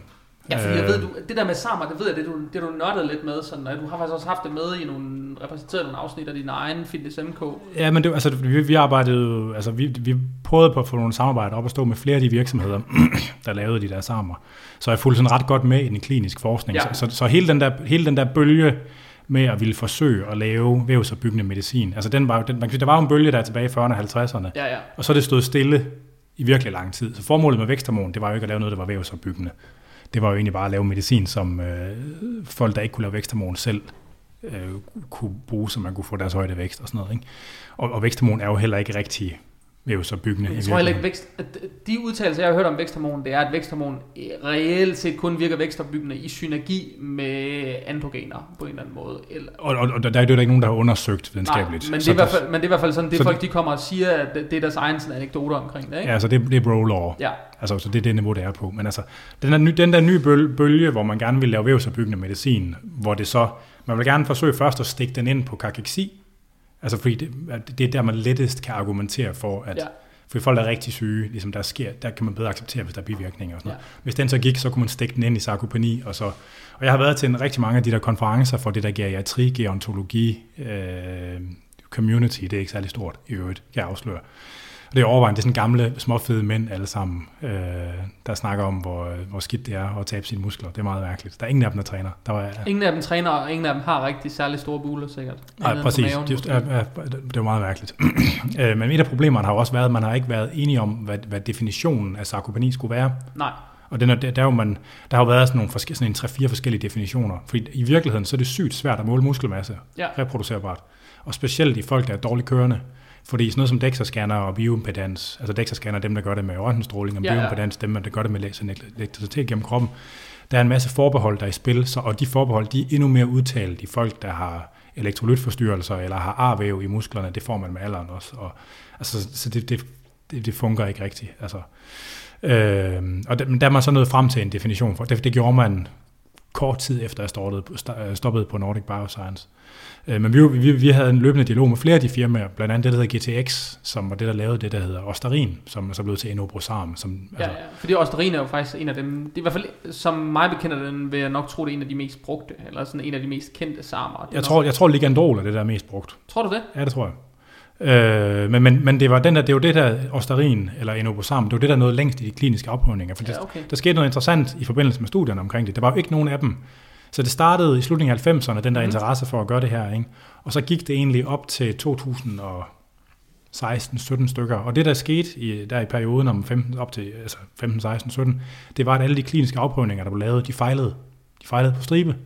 Øh, og det er jo sådan, at når man, når man skal godkende et lægemiddel, så skal man gennem den her serie af kliniske afprøvninger, fase 1, 2 og 3. Ja, ja. Øh, og hvor fase 3 ligesom er den, hvis den går, hvis den går så, så er du golden. Så, så er man golden, ikke? Ja. Og som regel, så er det sådan, altså i fase 1, der skal man finde ud af, om det er giftigt i mennesker. Så, eller, eller før det her, har der været en præklinisk fase, hvor man ja. forsøger at karakterisere det i forsøgsdyr, bakterier eller celle, cellekultur og sådan noget. Så i fase 1, der skal man vurdere, om det er giftigt for mennesker. Og nogle gange, så har man et effektmål på os, men det er et sekundært. Altså ja, det, ja. så, og så er der fase 2, der skal man ligesom kunne dokumentere, at det virker i en lille gruppe mennesker. Øh, og i gruppe 3, det er så der, man skal gøre det i en stor gruppe mennesker. Ja. Og der er det gerne sådan, at når man er færdig med gruppe 2, der laver man ligesom den, der man, tager man den helt store regnemaskine frem, og så regner man, altså for der har man en idé om, hvor meget det virker, hvis det virker. Ja, ja. Så hvad er sandsynligheden for, at det her det er noget, man kan tjene penge på? Og hvis ikke man kan tjene penge på det, så, putter, så fortæller man bare folk, pak ned, sluk. Lige præcis. Og det gør man videre, fordi det er jo ret... Og det, og, det, og det er sådan helt bogstaveligt. Der findes folk, der har arbejdet nogle gange seks år på sådan et lægemiddelprojekt, og bare sagt, vi lukker på mandag, væk med det. Og så er det bare sådan, det er. Altså, Slut. Slut. det, er ret, det er ret brutal, den der måde, det ja. fungerer på. Ikke? Men, men den der Enoposarm, den gik i fase 3 oprydning, så det var den, der kom længst. De andre, de er, der er det længste, de er kommet, det er fase 2. Og der var det, øh, der gav man det til folk, der havde noget, der hedder non-small cell lung cancer. Ja. Øh, som ved siden af deres kemoterapi. Og, og, og øh, altså FDA, og, som er den amerikanske lægemiddelautoritet, og EMA, som er den europæiske, de har jo godt lugtet lunden med, at de ved, at lægemiddelindustrien de forsøger at snige den der ind ad bagdøren. Altså, at de vil gerne. Så det vidste de godt. Så, så de har ikke, de har, i, i starten var det egentlig sådan, at der ville de kun godtage det, hvis at selve behandlingen med vævsopbyggende medicin havde en, et gunstig effekt på sundhedsmarkører i forhold til de sygdomme, folk havde. Øh, og det, det der lavede noget, noget forskning med tidligere med testosteron og væksthormon, alt det der med at behandle wasting-syndrom og sådan noget. Og det er jo ret veldokumenteret, at når man giver folk vævsopbyggende behandling i forbindelse med sådan nogle ting, så er det ikke sundhedsfremmende. Nej, nej. Det påvirker ikke om risikoen for at dø, eller risikoen for, at en sygdom bliver værre. Det går, at man har det federe, og det er sådan kosmetisk øh, ser pænere ud, men det påvirker ikke sundheden positivt. Nej, formodentlig ikke, nej. Jamen, det, det gør det ikke. Altså, det er ikke engang formodligt. Det gør det simpelthen Nej, ikke. okay. Så selv hvis man, altså, og, og, i øvrigt, hvis man kigger på mænd med hypogonadisme, altså, som, altså, eller hvad kan man sige, ikke på grund af steroider, men folk, der bare ikke laver nok Ja, testosteron, lige selv, selv hvis man giver dem testosteron, så får de ikke en lavere sygdomsforekomst. Nej. Så selv hvis man har en person, der laver for lidt testosteron og løfter dem op på et normalt niveau, så bliver de ikke sundere. Det kan godt være, de får det federe, men risikoen for at få alle mulige sygdomme, den bliver Ja, den ikke er lavere. præcis den samme. Øh, altså, så, så, så, så, man sige, så sandsynligheden for, at det hjælper at løfte folk fra noget naturligt op i noget supernaturligt, at det gør noget godt sådan sundhedsmæssigt, den er ikke eksisterende stort set. Ikke? Nå, nu fred være med det. Øh, men det endte så med, at FDA faktisk medgav, at man behøver ikke kunne måle en primær effekt på sygdommen, og det er okay, hvis vi kan måle det på funktion og på muskelmasse. Ja. Så i det der studie, der skulle man, havde de sådan en trappetest, man skulle måle, hvor hurtigt de her folk med den her lungekræftsygdom kunne gå op ad en, en, en trappe, Okay. og så brugte man det som sådan et funktionsmål. Øh, og studiet det fejlede så, fordi man, man, fordi man kunne se, at folk de tog godt nok muskelmasse på, men de blev ikke stærkere. Altså, de blev ikke bedre til at gå op ad den der trappe. Nej.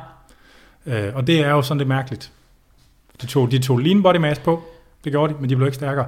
Og det, det sjove er, at det, det øh, stof, der hedder MK0773, som også findes som... Det er der med, mange, der skyder den af på, vil jeg bare sige. Ja, altså det, det, det er jo fuldstændig samme historie, men den kom i fase 2, og der havde man brugt det, jeg tror nok, det var i behandling med sådan noget sarkopeni til gamle damer, Ja. øh, hvor man så fuldstændig det samme. De fik større buler, de blev ikke stærkere. Og der er faktisk lavet nogle lignende studier med testosteron, at når man giver altså st- steroider, eller ting, der minder om steroider, til folk, der sådan er, er syge på en eller anden måde, så gør det ikke det samme for styrke. Nej. Og man ved ikke helt, hvorfor det er, det sker. Men, men eftersom de lavet den der aftale med FDA om, det skal både være et funktionsmål og et muskelmassemål, og det, det klarede man ikke, så failede den simpelthen. Men altså, men, men, man kan sige, man ser jo også indimellem nogle bodybuildere, som, altså, eller nogen, der bare er kæmpe store, hvor man bare tænker, hvorfor er du egentlig så slap?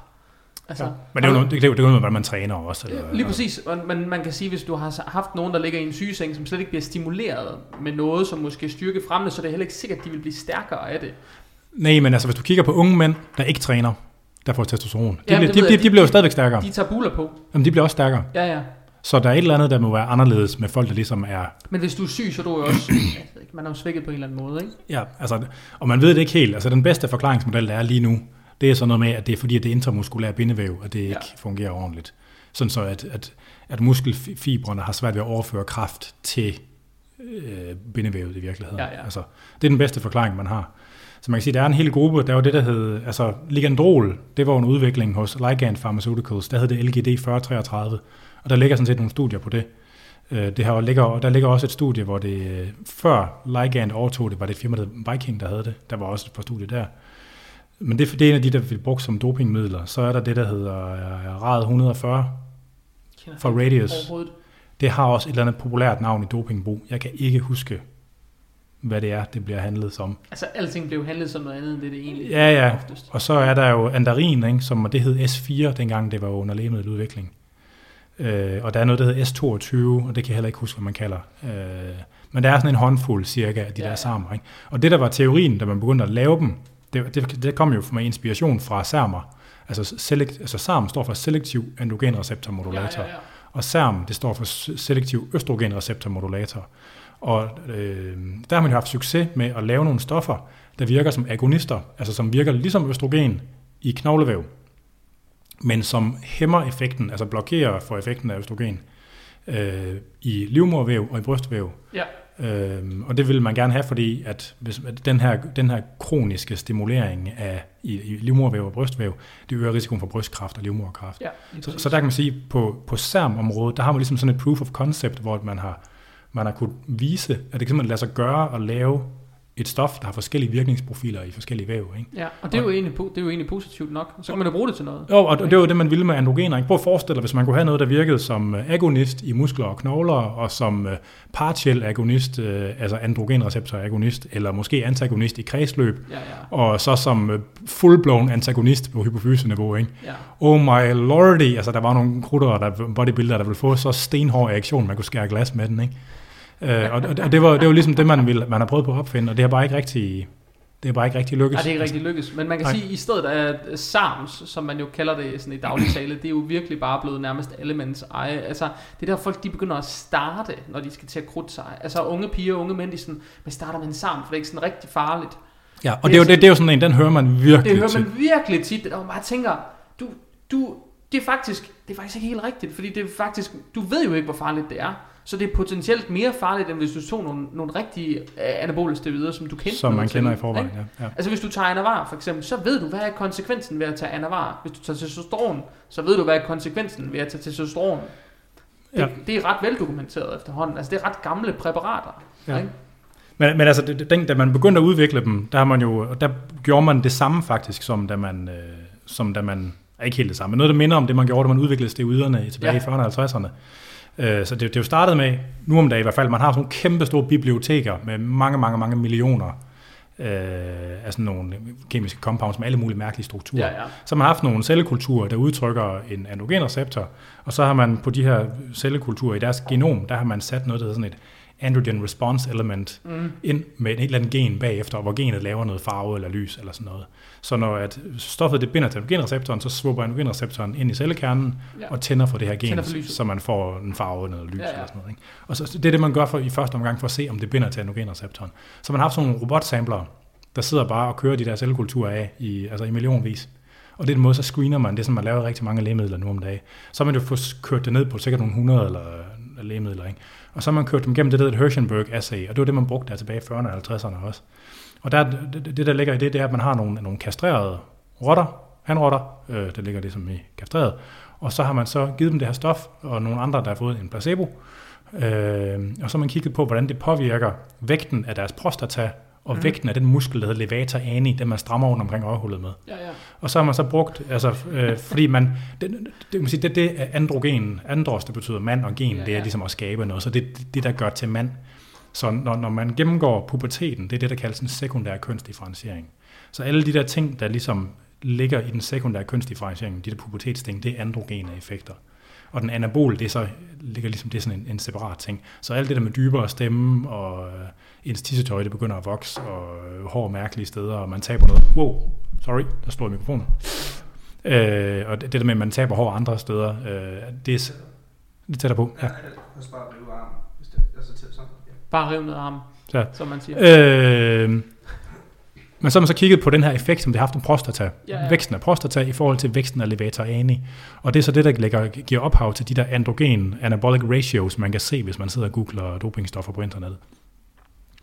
Øh, problemet er bare, at det der assay, Hirschenberg-assayet, det er ikke en særlig god metode Nej, til at måle det, fordi man har fundet ud af, at den type af effekter, man normalt, altså den type af stoffer, der normalt giver de her androgene effekter, de påvirker også den her levator ani muskel. Så der er ligesom, den er knyttet til noget af det samme, som vækst af prostata egentlig er. okay. Øh, så det gør, at den der androgen anaboliske ratio siger i virkeligheden ikke rigtig særlig meget. Så når man sidder og kigger på de der, der findes nogle tabelværdier, altså i, i, i den forskningslitteraturen, for forskellige stoffer, ikke? og hvis man kigger på dem, så giver det heller ikke særlig god mening. Altså anavar har jo en tårnhøj anabolisk ana- til androgen ratio, ikke? men det er jo ikke som om det er et bedre dopingstof end alt muligt andet. Nej, fordi du skal nok tage røve meget af det. Hvis Og, og, selv, og selv hvis man tager rigtig meget, så er der nok en grænse for, hvor meget det ligesom Ja. ja. kan gøre. Altså, øh, Det bliver nok også toksisk på et eller andet tidspunkt. Bare blive med at tage så mange tabletter og Ja, så- så, så- to gange. Og... Så det er bare ikke et særlig godt assay. Nej, nej. Så, så det man kan sige om de der samer, de er selekteret for, at de ikke skal give prostatahypertrofi. Og det, det passer nok. Altså det, det, det siger de kliniske studier også, at de er ikke lige så tilbøjelige til at få ens prostata til at hæve. Nej, nej. Det er jo det er så langt, så godt. Og en anden ting, det er, at de bliver ikke konverteret til østrogen, fordi det er en helt anden molekylær struktur. Så det her med, at steroider, de giver væskeretention og sådan noget, at man får de der, altså du vil hævede kinder og Ja, bliver ja. meget blød, det gør de heller ikke. Så langt, så godt. Men når man kigger på de, de, den type bivirkninger, man vil knytte til, sundhedseffekter, ikke? så for eksempel påvirkning af kolesteroltal, der gør de fuldstændig det samme. Ja, Det er det, der, det er der blevet bevist for flere af dem, at de trykker HDL-kolesterol faktisk endda ret meget i forhold til nogle af de almindelige tilgængelige steroider. Øh, de øh, får, giver også øget øh, levertal, fordi at det gør, altså de er jo alle sammen orale, ikke? Altså, ja, lige præcis. Øh, de giver også øget levertal. Og øh, altså sådan på den måde, der tyder det bare ikke rigtigt på, hvad angår sådan en bivirkningsprofil, at de for alvor gør noget, der egentlig er rigtig anderledes end an- helt klassisk anabolisk steroider. Til gengæld så har de sådan nogle spøjse bivirkninger, at der er flere af dem, der giver synsforstyrrelser, eller der kan give synsforstyrrelser. Ikke? Pissefedt. Det er nok ikke, fordi man har androgenreceptorer i øjet, at man får, det er nok, fordi det interagerer med et eller andet andet, som man ikke ved, hvad er. Lige præcis. Og nu er der en af dem, nu kan jeg ikke huske, hvad for en af dem det er. Det Jeg, er også ligegyldigt. jeg tror nok, det er den, der hedder Andarin S4. Den får man sådan en gulfarvning af synet. Ligesom man, man, hvis man tager Viagra, så kan man godt få sådan en blåfarvning af sit syn. Altså ikke af øjet, men det man ser, det ser blåt ud. Jeg tror nok, det er det der S4 Andarin, som er ret brugt som dopingstof nu også. Det giver sådan en gulfarvning af synet. Fedt. Så det er sandsynligvis, fordi de påvirker de der rodceller i øjet. Ikke? Men det er nok heller ikke, fordi der er androgenreceptorer der. Det er nok... Er det sådan noget, der er permanent? Eller noget, Ej, det, det, det går over. det går over igen. Fedt. Altså, og sådan, så det skyldes et eller andet helt andet, som man ikke ved, hvad er. I modsætning til pigers stemmer, som i øvrigt ikke bliver normale igen, Nej, nej, men- hvis man har haft det for vildt. Så, så det er bare det, hvis, hvis det gør sådan nogle ting, hvor man virkelig ikke ved, hvad det er, Ja, ja. hvor mange andre ting, man heller ikke ved, hvad er, gør det så. Ikke? Og der er jeg helt enig med dig, at, at altså, hvis jeg skulle øh, til at have store buler, så vil jeg hellere tage dianabol, end jeg jeg vil tage altså, samer. Altså, det, det, det, altså, det, det, man kender bivirkningerne. Ja, man kender bivirkningen, og det er, egentlig, det, er, det er noget af det, som jeg virkelig har forsøgt, når folk de snakker om det, der så bare, for jeg synes, det er så hjernedødt, at man snakker om, lad os tage noget, som vi ikke rigtig ved, hvad gør. Negativt. Vi ved godt, hvad det gør positivt, men man fokuserer slet ikke på bivirkningen. Det er man Nej. pisse ligeglad med. Ja. Som om man fuldstændig ser legenden. Den er der ikke. Hvis ikke vi ved, den er der, så er den der ikke. Det er bare ikke helt rigtigt. Altså hvis ikke man ved, at voldtægtsforbryderen han er der, så er han der måske ikke rigtigt. Men Amagermanden, han havde det altså for vildt lige en periode, så ja. han var der lidt alligevel. Dengang han var Danmarks førende atletiktræner. Ja, Han fik virkelig folk til at løbe. eller ligesom ham. Hvem fanden var det, der havde noget med øh, øh, små øh, kvindelige gymnaster, sådan teenage-gymnaster i USA? Hvem fanden var det i forbindelse med olympiaden? Ja, der var en ja, kæmpe ja. skandale med, hvor Ja, ja. han, skulle, han kunne mærke, øh, hvis han lige fik lov til at give dem lidt øh, sådan øh, konfirmandfinger, så kunne han lige mærke, om de blev en god atlet, eller hvad det var for noget. ja. Det, ej, det var bare noget Sådan en, en vente godt. Ja, lige præcis. Præcis. Men, Men- men sådan, sådan noget, det forstår jeg bare ikke. Altså, Nej. det, det er sådan, der, der kan min hjerne bare, den, den kan virkelig få en nedsmeltning, folk de snakker om det der, som om det er helt ufarligt. Det er bare overhovedet ikke ufarligt. Og, altså, jeg har, jeg, der, jeg har vildt været i kontakt med folk, der betragter det, altså, som var af det indtryk, at det var kosteskud. Ja, og det, men det bliver solgt som kosttilskud. På et hjemmeside, hvor du kan købe kosttilskud, kan du mange steder også købe SARMS. Fordi så er det i et eller andet land, hvor de kan komme til at sælge det Ja. på en hjemmeside. Helt legalt, fuldstændig ligesom, så kan du købe proteinpulver, og så tjekke ud ved kassen, sådan, åh, andre, andre der købte det her proteinpulver, også købt de, de SARMS. Kunne du tænke dig nogle SARMS? Ja. Men det er helt tydeligt, ligesom at, det der med Samer har sit eget økosystem på internettet. Hvis man søger på det på internettet, så vil man kunne finde de der lange sider, hvor folk de anpriser og beskriver det som noget helt fantastisk. På en helt anden måde. Det vil du jo ikke kunne finde om Trenbolon eller... Nej. Øh, Jo, jeg tror nok, der er nogen, der vil anprise det som noget helt Nå, fantastisk. men ikke på, det, ikke på den der måde, hvor det helt Nej. tydeligt er sat op på at sælge det. Altså det er, sådan, det er, det er en spøjs ting. Og så, så, er det også, altså, så er der det der mærkelige fænomen med, at af en eller anden grund, så bliver ibutamoren, altså MK667, og, Ja. og det der GW 50, 15, 16, eller der også bliver kaldt Cardarin eller Endurobol, det bliver også, puttet, det bliver også kaldt for samer på de der hjemmesider, på trods af, at det overhovedet ikke er det. Ikke? Det siger lidt om, ligesom den, øh, hvad kan man sige, den, f- jeg ved ikke, om man vil sige faglighed, det er det rigtige ord, men man har bare fundet noget, der er nyt og magisk, som folk ikke Ja, ved, hvad er. som folk ikke og, ved, hvad er. Og det skal man bare have tanket på folk, og det kan ikke gå hurtigt nok. Altså, Men det er jo ligesom, da, da det der Jack 3D, det kom frem, eller det er jo sådan et søsterpræparat til amfetamin, eller sådan noget, Ja, ja, det, det der ja. er i der. og det kommer man rimelig okay op og ringe af. Og det, men inden folk de vidste, hvad det var, så det virker. Første gang, der er pre-workout, det, det duer sgu. Ja. Lad os tage nogle flere scoops. Lad os ja. se, hvad det gør. Og lige pludselig begyndte folk bare at falde døde om som fluer i øh, de der omklædningsrum rundt omkring, ikke? og så fik de lidt hjerteslag ud i omklædningen. Det, det, det, det, har der også været nogle eksempler af, ikke? Også hvor det var Jo. sådan, Nå okay, det, er- det er måske lidt farligt det her, det skal måske ikke tage så meget af.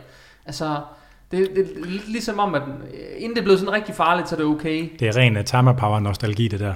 Ja, men jeg kan huske Therma Power, da det var, da det var på sit højeste, der blev det jo, der, der kunne man, jeg tror, hvis man, jeg tror engang, man kunne købe sådan efedrin i det center, der, hvor jeg trænede. Jeg, Jo, men det kunne man, det blev først ulovligt i 2000 og ja, et eller andet. Jeg tror, folk de talte om, som om, ah, man skal tage mig, jeg tager bare lidt, lidt efedrin. Ja. Og øh, så køb noget Thermo Power, der var mange, der tog Thermo Power der. Om sommeren tog alle som Thermo Power. Men det var jo den samme periode, hvor at den med medicinske udgave Letigen, det blev tilladt som lægemiddel også. Det var jo Tama Power, det er fuldstændig det samme. Okay. Altså det var jo, øh, altså det blev godkendt som vægttabslægemiddel i Danmark. Og det var i forbindelse med det, at man havde den der, de der dokumenterede dødsfald faktisk, fordi der har man jo målt på det, fordi det ligesom var en del af det formelle system. Det var fuldstændig det samme. Det hed Letigen, eller let igen, Nå. om man vil. Altså der vil sidde, der vil sidde nogle unge purke, når de hører den her øh, podcast, så vil de sidde og søge på, hvad er Thermopower inde på Google, for at finde ud af, hvad fanden det er. Der var en rød og en blå Thermopower, kan jeg huske. Ja, Den ene hed Therma, og den anden hed Thermo, eller sådan et eller andet. Og, oh, ja, hold kæft, mand. det var, those were the days. Those were the days. Men, så kom der jo alle mulige sådan fattigmands versioner, hvor det var Joachim Bien og sådan ting, der var lovlige i stedet for. Jamen, jeg kan huske, øh, ikke, ikke ret mange år siden, at Body Store, de havde en eller anden, øh, øh, hvad hedder det, øh, de havde en syntetisk udgave af efedrin, så kaldte de det synefrin i stedet for. Jamen, det er noget andet. Det er jo et andet stof. Ja, det er et andet stof, men virker det ikke lidt på samme måde? Ikke nær så meget. Ikke nær så meget. Det er, weak, det er weak source i forhold til. Okay. Ja. Men er det lige så farligt potentielt? Jamen, det, det, det, det er mindre potent. Altså, det er meget mindre potent. Ef- Efedrin er ret, der er ret meget smæk på i virkeligheden, Ja, ja. ikke? Fordi dem jeg kender, som, sådan virkelig, som har fyret den af på rigtige efedrin-tabletter, der, de, har jo, de siger, det, det kan man slet ikke få mere. Altså, Nej. det kan man slet ikke få mere. Den der oplevelse har de kun haft den ene gang. Ja, Ja. men efedrin, det er meget lækkert. Det, er- Jeg ikke. Har du prøvet det? ja, ja, jeg har prøvet meget af sådan noget. det du prøvet? Men du, du, du er jo den, det menneske i verden, der måske har allermindst brug for at tage efedrin. Øh, korrekt. Jeg har en meget høj tolerance på stimulanser, men jeg synes, det er jo mere sådan noget psykonaut noget, sådan noget, altså nootropic øh, knald. Jeg har, prøvet, jeg har prøvet rigtig meget sådan noget nootropic Okay. ting. Der var enormt mange sådan stimulanser, amfetaminanaloger, Ritalin og modafinil og sådan noget. Ja, ja. Det er meget sjovt. Du har haft det sjovt en gang imellem. Ja. Du har haft det sjovt. Hvordan er din holdning egentlig til sådan noget som væksthormon? Øh, Tror du på det, tror du på, det er sundt? Eller tror du på, det er usundt? Altså hvis det var sådan, så ville vi nok lave mere af det til at starte med. Jo, fordi, men der er jo også blevet sådan en... Kan du, du kan godt huske på Body House i gamle dage, der omtalte man små doser væksthormon, om, omtalte man som Hollywood-doser. Kan du huske det? Ja. Ja. Og det bliver jo brugt indimellem, eller man har i hvert fald indtryk af, at det bliver brugt indimellem af kendiser, eller sådan folk i kendismiljøet, til at holde, Så, dem, i hvert fald. til at holde dem så lidt kunstigt unge, eller kunstigt yngre. Ja. Ikke? Stallone han er blevet taget tre gange med væksthormon i væksthormon. 12, ikke? så han, han må være at sige at være en sikker bruger. Ja, lige præcis. Bare sæt den herovre. Øhm, hvordan er din holdning egentlig til det? Tror du på, at der findes en sund dosis? Nej, men det er jo primært kosmetisk. Det gør man Ja. for pænere hår, pænere negle, og man får jo sådan noget, hud og... man får en lille smule ødem, ikke? man har- får lidt væskeretention, så hvis man har lidt rynker, så bliver de jo fyldt ud ligesom fyldt lidt ud. naturligt, og man, man, får, man får nok også i virkeligheden lidt tykkere hud, mm, sådan så det tager nogle af rynkerne, så på den måde, så giver det mening, men altså, så kan man sige, hvis man, det er jo meget vel, altså, hvis man har kronisk forhøjet væksthormon, så det er jo pissefarligt, det er jo den der sygdom, der er akromegali, de dør jo, altså meget unge, hvis ikke man gør noget ved det. Øh, men det er, jo, det er jo nogen, der har en hjerne, der bare hele tiden bare står og pumper væksthormoner ud. Ja, ja. Og når man tager et skud, så går der nogle timer, så er det ude af systemet Så er det ude af systemet igen. Så spørgsmålet er, hvor meget... Altså, Hvor meget skal man tage for, at det reelt set begynder at have en negativ effekt? Ja, fordi det, det, man brug- altså det, som man dør af, hvis man tager rigtigt, altså dem, der har akromegali, det er fordi, de har kronisk forhøjet triglycerider Ja. i blodet, og det får man sukkersyge af. Øhm, og det, det her med om rekreationelt brug af væksthormon, om det kan give sukkersyge, det ved man faktisk ikke helt Nej. endnu. Og jeg, jeg, jeg tror det faktisk ikke rigtigt. Nej, det tror jeg heller ikke. Jeg tror, der skal ret meget til, før man får det, men man ser jo nogle eksempler. Altså, nu, nu ser man jo, nu, ah, jeg følger meget med pro-bodybuilding-miljøet, for eksempel, for jeg synes bare, det er spændende. Altså, jeg er jo også bare, inde i min, min hjerne er også bare skudt af. Altså, jeg har jo siddet og set, Ja, der er mange diabetikere. ikke? men der er sat med mange af de der unge, unge mænd, der er lige pludselig 35 år gamle, så får de bare diabetes ud af det blå med 180 i timen, Ja. ikke? Ja. Altså, og de har aldrig haft, de, de, var vant til at spise 1000 gram kulhydrater om dagen, og lige pludselig ud af det blå, bum, så er bare diabetes. Men den slags diabetes, man skulle få af det, det er jo dem, vi vil kalde altså gammelmands Ja, sukkersyge. Gammelmands sukkersyge. Og så vidt jeg lige ved, de fleste af dem, der får den slags diabetes, de får, det er det, der hedder, det er en type 1, form for type 1 diabetes, der hedder MODI, Maturity Onset Diabetes of the Young, Mm. så vidt jeg lige forstår. Og det er nemlig, også- sådan har jeg nemlig også forstået, at mange af dem bliver diagnosticeret med type 1, ikke type 2. Ja, og det er en anden slags, og, og, man kan sige, for, for, og, og øh, hvad kan man sige, det man kalder etiologien, mekanismen bag, hvorfor det kommer, det er Ja. noget mere, altså det ved man meget mindre om. Så, så det er svært at sige, om det hænger sammen. Men det- Altså, men- MODI er jo ikke så sjældent i virkeligheden, det er jo også Nej, det. nej. Men det er bare mærkeligt, at det er meget i bodybuilding-miljøet for tiden. At Ligesom der er virkelig mange, der bliver ramt af Der er det. også påfaldende mange med colitis. Ja, det er der. Det har jeg også tænkt over. flere. Det er meget underligt. Og det er jo en ret sjælden syg, altså en relativt sjældent. Ja, ellers. jeg altså, kender flere, som pludselig får det, også i en meget ung alder i øvrigt, som pludselig Ja. bare får colitis. men det er jo noget, man får typisk i 20'erne. Ikke? Det er der, det kommer. Ja. Ikke? Det er mærkeligt, men Der er mange med nyresvægt også, men det giver god mening. Det er jo det giver god en- mening. Men du ved, vi snakker, man snakker meget om i bodybuilding, bodybuilding-miljøet, at du ved, hvis man har, hvis man har tendens til at få, eller man er, hvad skal man sige, hvis, hvis, man- har tilbøjelighed til at udvikle en eller anden sygdom, eller man har nogle svagheder et eller andet sted, hvor man Ja, ja. på et eller andet tidspunkt, så vil du få en hjertefejl, eller du vil få nogle dårlige nyrer. Så fremprovokerer det det. Det fremprovokerer det, eller fremskynder det på en eller anden måde, ikke? Jo, jo. Øhm, og, og, og måske det også bare er sådan med mange flere sygdomme, end det man måske egentlig lige regner med. jo. Men det kan også være, at det der med colitis, det bare kommer af folk, der spiser rigtig meget. Jeg ved ikke, altså. Der er jo altså nogle af de der diæter, men øh, det, det ved jeg ikke. For jeg ved jo ikke, jeg ved ikke engang, om der er lavet studier på det der med, at når man prøver, man force-feeder 7, 8, 10.000 kalorier om dagen og gør det i overvis, hvad der så Ja. sker, det ved, det ved jeg ikke. Jeg ved Nej. ikke, om der er lavet sådan nogle studier. Nej. Fordi jeg tænker, at hvis de var lavet, så er de nok mere lavet med henblik på overvægt, end de er lavet på sådan bodybuilder. Yes. Men det er interessant, det der. Og bodybuildere, de har jo typisk en lidt anden diætstruktur, end folk, som bare er ekstremt overvægtige. Og det kan både være godt og skidt. Altså, Ja. altså, Det kan både være godt og skidt, men de der, du ved, de der store mængder kød, man spiser, spiser man 200-250 gram kød per servering. Gør man det seks, fem-seks seks gange om dagen. om dagen, ikke? Hvad for en konsekvens har det så overhovedet på tarmsystemet? Fordi man kan jo begynde at se, at jamen, spiser du for meget oksekød, så er der altså øget forekomst af cancer, for eksempel. Ja, ikke? ja. Men det er jo, øh, ja, det, øh, men, men jeg, jeg har tænkt over det der med colitis i hvert fald, og der er en del altså professionelle bodybuildere, der har colitis, Der er ikke? også mange amatører. Jeg kender adskillige amatører, der pludselig udvikler det. Så, bum, så er det colitis. Det er noget mærkeligt noget.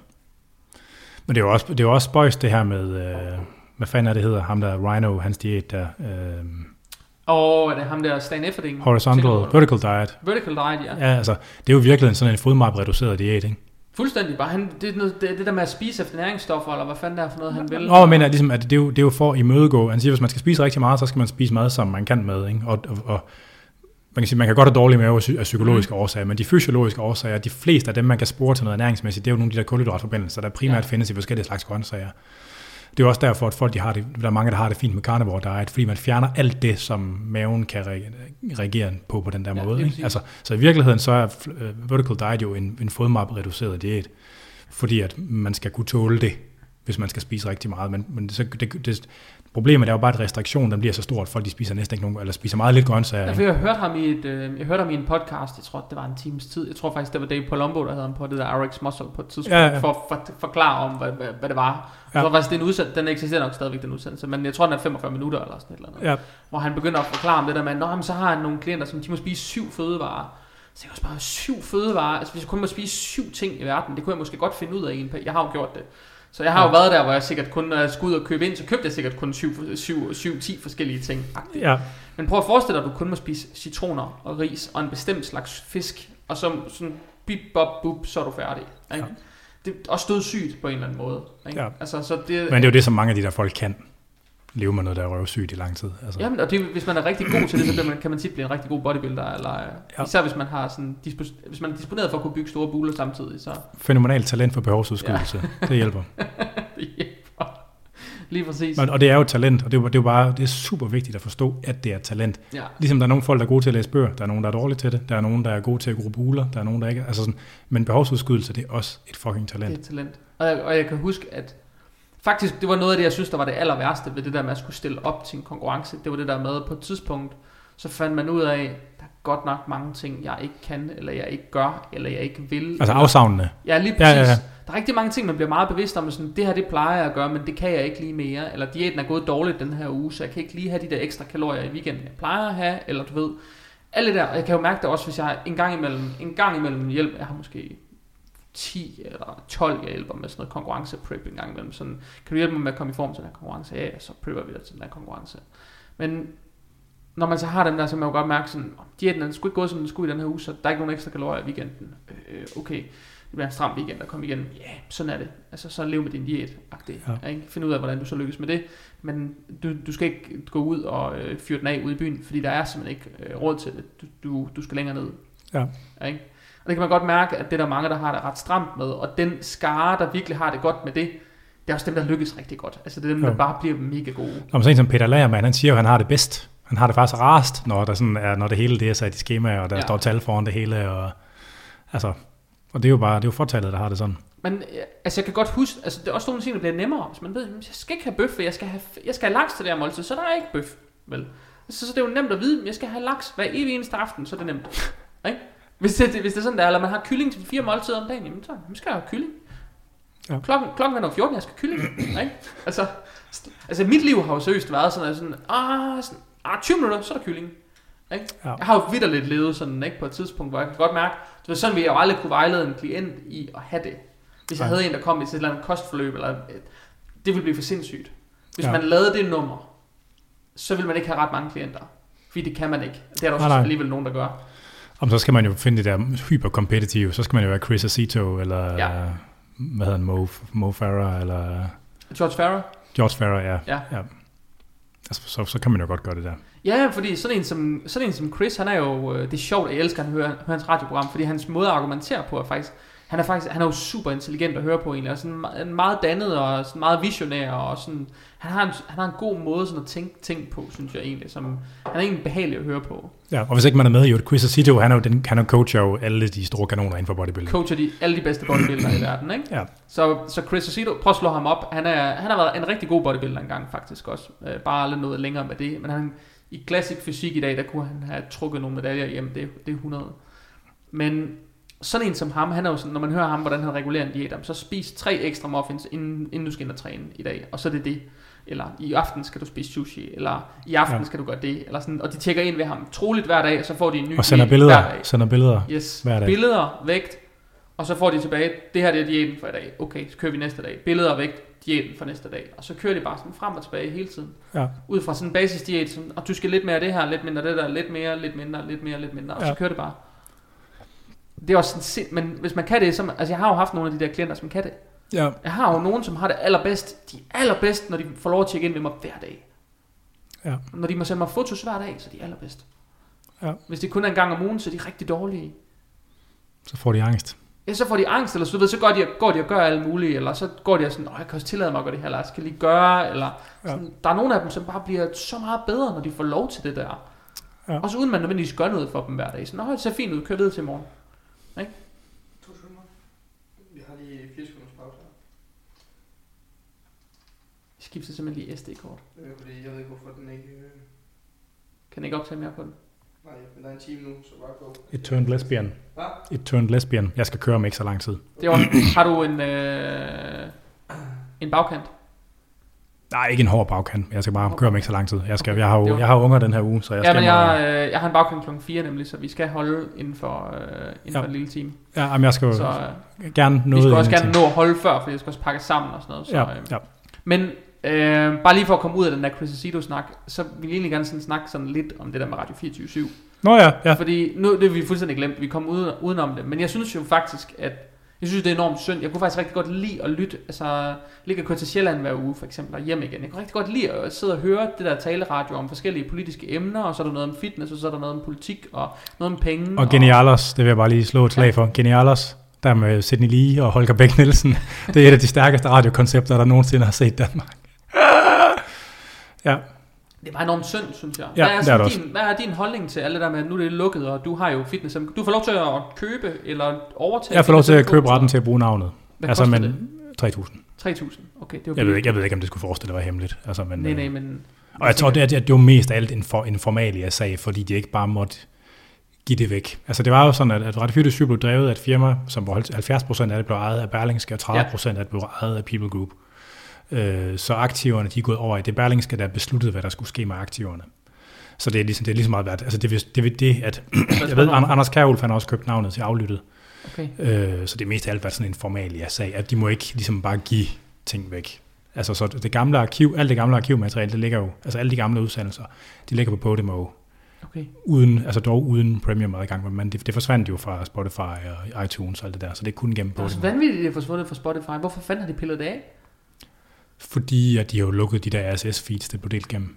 Så det De kunne, skulle de jo ikke have gjort. Dem skulle de jo have solgt videre med, og så kunne man overtage det i stedet for. ah, men det ville have kostet mange penge. Det repræsenterer jo en ret stor værdi i virkeligheden. Okay. Altså, men jeg tror nok, at, ah, det må jeg nok ikke sige, men jeg tror nok, at det beløb, som Berlingske gav for arkivet, det var ikke særlig stort. Nej. Og det kan man så synes om, hvad man vil. Men, men altså, men man skulle på, at Radio 24 det, blev, det var Per Stig Møller, Mm-hmm. der fandt på det i sin tid. Han er konservativ. Old school konservativ, ikke?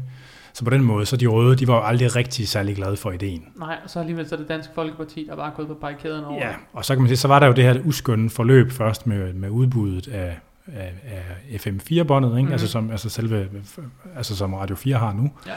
Og så var der bagefter det her med DAB, radiokanalen. Ja, ja. Øh, og nu er der jo alle mulige konspirationsteorier omkring det her med DAB radiokanal, og nu kommer der til at være en retssag. Altså, der har været en masse ting Ja, omkring... men jeg så nemlig godt, der skulle være en retssag om, men det var noget med Radio TV. Hed det Radio TV-nævnet, eller havde Radio-nævnet? Eller hvad? Radio TV-nævnet, tror Det havde jeg. Radio TV-nævnet, ja, Ja, også. Det var noget ja. med deres behandling af sagen, at den, der havde manglet et medlem i en eller anden Jamen, der, der er mange ting, der har været, der er en del ting, der har været galt. Altså, der har også været simpelthen noget med, at, at øh, det, er jo, det er jo Slots- og Kulturstyrelsen, der øh, har Radio TV-nævnet. Ja. Og Slots- og Kulturstyrelsen, de servicerer jo de danske museer, og de danske museer, de var jo med i det der Radio Loud-udbud. Så der er lidt noget, der ikke helt er skilt så meget ad, som det skulle være. Ja, man bliver så træt nogle gange. Altså så, men, men, men hvorom alting er, det kan godt være, at der er nogle ting, der er, sådan er kørt lidt shady. Og der er jo også det her med, at, at det, det antal point, man skulle have for økonomien i projektet, Ja, ja. at det- der er en grænse, der først blev fastsat, efter alle ansøgningerne var sendt ind. Ikke? Og det er selvfølgelig også problematisk, men, men selv hvis, at man, altså det antal point mere eller mindre, som Radio 24 fik på den konto, det har ikke været nok til at redde dem. Nej. Fordi af en eller anden grund, så besluttede man for eksempel Radio 4 og, øh, og øh, nej, hvad hedder det, Radio Loud og øh, 24 skulle have det samme antal point på satire. Hvilket sådan er ret crazy, ikke? Altså, at, at de- har lavet nogle ret sjove ting på Radio 24 Ret sjove må ting. man sige, ikke? Men- Og meget af det, der ikke skulle være sjovt, har også været ret sjovt. Og så er, der, så er der nogen, der sidder og skriver, vi skal lave noget med Sebastian Dorset, og så får de lige så mange point. Det er sådan lidt, det er en lille smule underligt, ikke? Men, men, men, men altså, jeg, jeg ved ikke, om jeg tror på den der konspiration Nej. Omkring det der udbud, men, men dengang, at dengang FM4-båndet var i udbud, der sad de der medieoverfører jo sammen. Og der sad, der, det var der, hvor Tulle han trykkede på, på det udflytningskrav. Og der var det jo sådan, at der sagde ledelsen og ejerkredsen Radio 24 de sagde til medieordførerne, at smertegrænsen, det var enten 60 eller 50 procent udflytning, jeg ikke huske det. Og så besluttede man 70 procent. Og, det, og det, var, det var Socialdemokratiet, og det var Dansk Folkepartis medieordfører, der, der kørte den Der igennem. kørte den igen. Så det, så, og, så det var i virkeligheden, som jeg ser det, så var det det, der slog Radio 24 Ja, ja. Og det er jo bare forfærdeligt, fordi jeg synes, det er jo det, er, ja, det er første og eneste gang, jeg kan huske, men nu bliver jeg bliver 30 næste år, ikke også? Der skal Ja. sikkert nok have været noget før min tid. Men det er første gang, jeg kan huske, at der er noget, der har været sådan sådan rigtig, samf- altså sådan rigtig samfundskritisk Ja, ja, ja. på, på, uden at være farvet nødvendigvis af noget politisk, ja. som godt kunne være kritisk over for noget, der var på højrefløjen, og noget, der var på venstrefløjen. Ja. I stedet for, at de bare er enten eller, fordi det er jo lidt det, man ellers ser. Og bare nogle vilde typer. Jeg siger, der Ja. har været nogle vilde typer derinde. Altså, det er jo også sjovt. Sådan som ham, der Nima Samani for eksempel. Ham, der Ja. har lavet natradio, ikke? Ja. Som jo har lavet det her... Øh, han har haft nogle radioprogram, hvor han øh, har haft sådan nogle forskellige folk fra den nationale konservative øh, sådan tilbøjeligheder inde, ikke? Ja, ja. Fantastisk radio, ikke? Skide hammerende godt. Han er fucking jurist. Altså, hvordan skulle man have opdaget sådan en? Altså, og, og det, er jo- hvis der er en ting, som Mads Brygger og Michael Bertelsen kan, så er det jo på en eller anden måde at Jamen, det ved jeg sgu ikke. Identif- sådan spotte de der vilde typer, og så give dem Ja, plads ja. nok i like i sandkassen til, at man, der, der kommer et eller andet Et ud eller andet af godt ud af det. Altså, og det, det, er jo det, de kan, ikke? Altså, ja, og, og det er jo, øh, hvad kan man sige, hvis, hvis, nu, hvis nu det var en privat virksomhed, der skulle sidde og vælge, vil vi gerne have øh, Radio 4, eller vil vi gerne have Radio 24 Ja. Så havde det jo ikke været særlig svært at vælge. Nej. Men det er jo fordi, man har de der regler omkring det der udbud, ikke? Og jeg tror, det der kommer til at ske, det, er- det er, at den der udbudsproces, den bliver endnu mere omfattende, der, og, og den måde, man vurderer dem på, bliver også endnu mere. Ja. Ja. Så der skal sidde endnu flere djøffere og fucking lave de der ansøgninger, og der skal sidde endnu flere djøffere og fucking vurdere de der ansøgninger. Det er så fucking dumt. Altså, hvor man kunne sige, jeg, jeg ved godt, at formålet med det der med at sende ting i udbud, det er at undgå nepotisme og sådan noget. Men der er jo stadigvæk nepotisme, selvom det der udbudssystem er der. Det kan vi jo se alle mulige steder. Ja, ja. Altså, Og nu det, bliver det jo ikke lavet om. Nu er det hele jo lukket og slukket, så nu bliver jamen, det jo ikke det, det, om. er, det er Så selvom der kommer til, til at køre den der retssag, selv hvis de vinder den der retssag, så bliver det Ja. stadig ikke bliver- formodentlig lavet om. Nej, nej, men det, nej, altså, det kan godt være, at 24 genopstår, men det bliver noget andet. Det bliver stadig et andet format, fordi når øh, man kommer derud, så må man jo gå ud fra studieværterne, de er begyndt at få øh, nye jobs og lave noget andet. Og, Og hvis man altså, man brygger værelsen på, man kunne nok få krasset nogen tilbage, og man kunne nok finde nogle nye vilde typer, ikke? Ja, ja. Men de siger, at det tager jo noget tid at løbe sådan en skud. Jo, jo, fordi Radio 24 var jo ikke en succes fra dag 1. Nej, nej, det, tog det også, bløde. det tog jo også fire år, før det Ja, kørte, ikke? Altså, øhm, ja, altså, men det, det, men det er trist på enormt, øh, på enormt mange måder. Det var sgu, altså, og det, og det var en vild og ret nødvendig stemme. Altså, Ja. når man tænker på, hvor få penge, som øh, 24-7 brugte, Mm-hmm. i forhold til sådan nogen som P1, øh, og, hvor mange, og hvor mange lytninger, afspilninger, og hvor meget opmærksomhed på sociale medier. Ikke? På alle de, der, alle, alle de der kriterier, man vil bruge som medie, eller medieanalytisk, vil kunne bruge til at se, at det er gået godt eller skidt. Så det er gået fucking godt. Altså det går sådan helt hjernedødt godt, ikke? Også bare, jeg tror, at dem, og så, altså, de har, Radio 24 P3 har også været virkelig gode til sociale medier. Men Radio 24 de har også bare, de var sindssygt gode til sociale medier. Ja. Altså, at virkelig få det brugt, og få det klippet det rigtigt, og få det lagt de rigtige ting Og ud. vinklet, og... Lige præcis. Ja. Altså, de har virkelig været skarpe på at få brugt de der sociale medier på en god, konstruktiv måde, der har skabt mange lytninger. Ja. Og det er bare, det er pisse fucking ærgerligt, fordi der er ikke en kæft på P1, der bruger øh, øh, sociale medier til en skid. Og Radio 4, Radio 4 har heller ikke fået så meget traction endnu, må man øh, sige. Jeg Det bliver, slet ikke hørt det. men altså, må ikke det kommer. Altså nu ved jeg ikke, altså, men det, der er bare, det- man må bare ikke...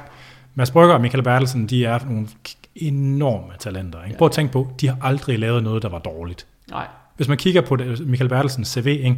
han har aldrig lavet noget, der ikke var godt. Det kan godt være, det var mærkeligt, men, men sådan overordnet det set, så, godt. så er vurderingen af det, at det har været godt. Ikke? Prøv Ja. at tænke på den 11. time, det ved jeg ikke, om du kan huske. Jo, jeg Det der aften, altså fuck, hvor var det sjovt. Ikke? Altså, og han var jo en del af hele det der DRBU, altså de havde, det, det var dem, der havde lavet sådan en talentinkubator. Ja, Ikke? ja. Så alle de der på din alder, ikke? der ligesom er i medierne nu, de har jo været i det der BU-afdeling, ikke? hvor de er blevet trænet til at gøre det, de nogle gange gør. Ikke? Ja, lige præcis. Altså, men, men det jeg savner, det er jo i virkeligheden også noget, at det er jo, altså, jeg forstår godt formålet med udbud, det er at undgå nepotisme. Ja. Men nepotismen er der alligevel.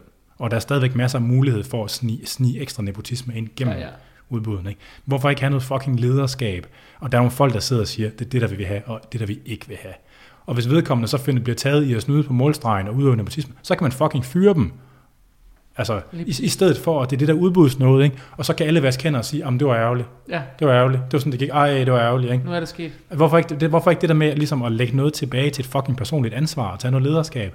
Og det synes jeg i virkeligheden, så- og det er jo sådan et, et, også et politisk standpunkt på en eller anden måde, men det synes jeg virkelig, man savner Altså, det, er fordi det er en del af hele det new public management, Ja, ja. At, at alting det skal måles og vejes til genkendelighed. Hvorfor ikke, hvorfor er en fucking idiot, så fyr vedkommende, ikke? i stedet for at man skal vente på, om de har en dårlig performance index på en eller anden, et eller andet det NPM-værktøj. Det, det er jo det, der gør vores samfund sådan, altså, det gør det ekstremt svært at navigere i med sådan nogle ting der, ikke også? Fordi der kommer så fucking mange regler om alting.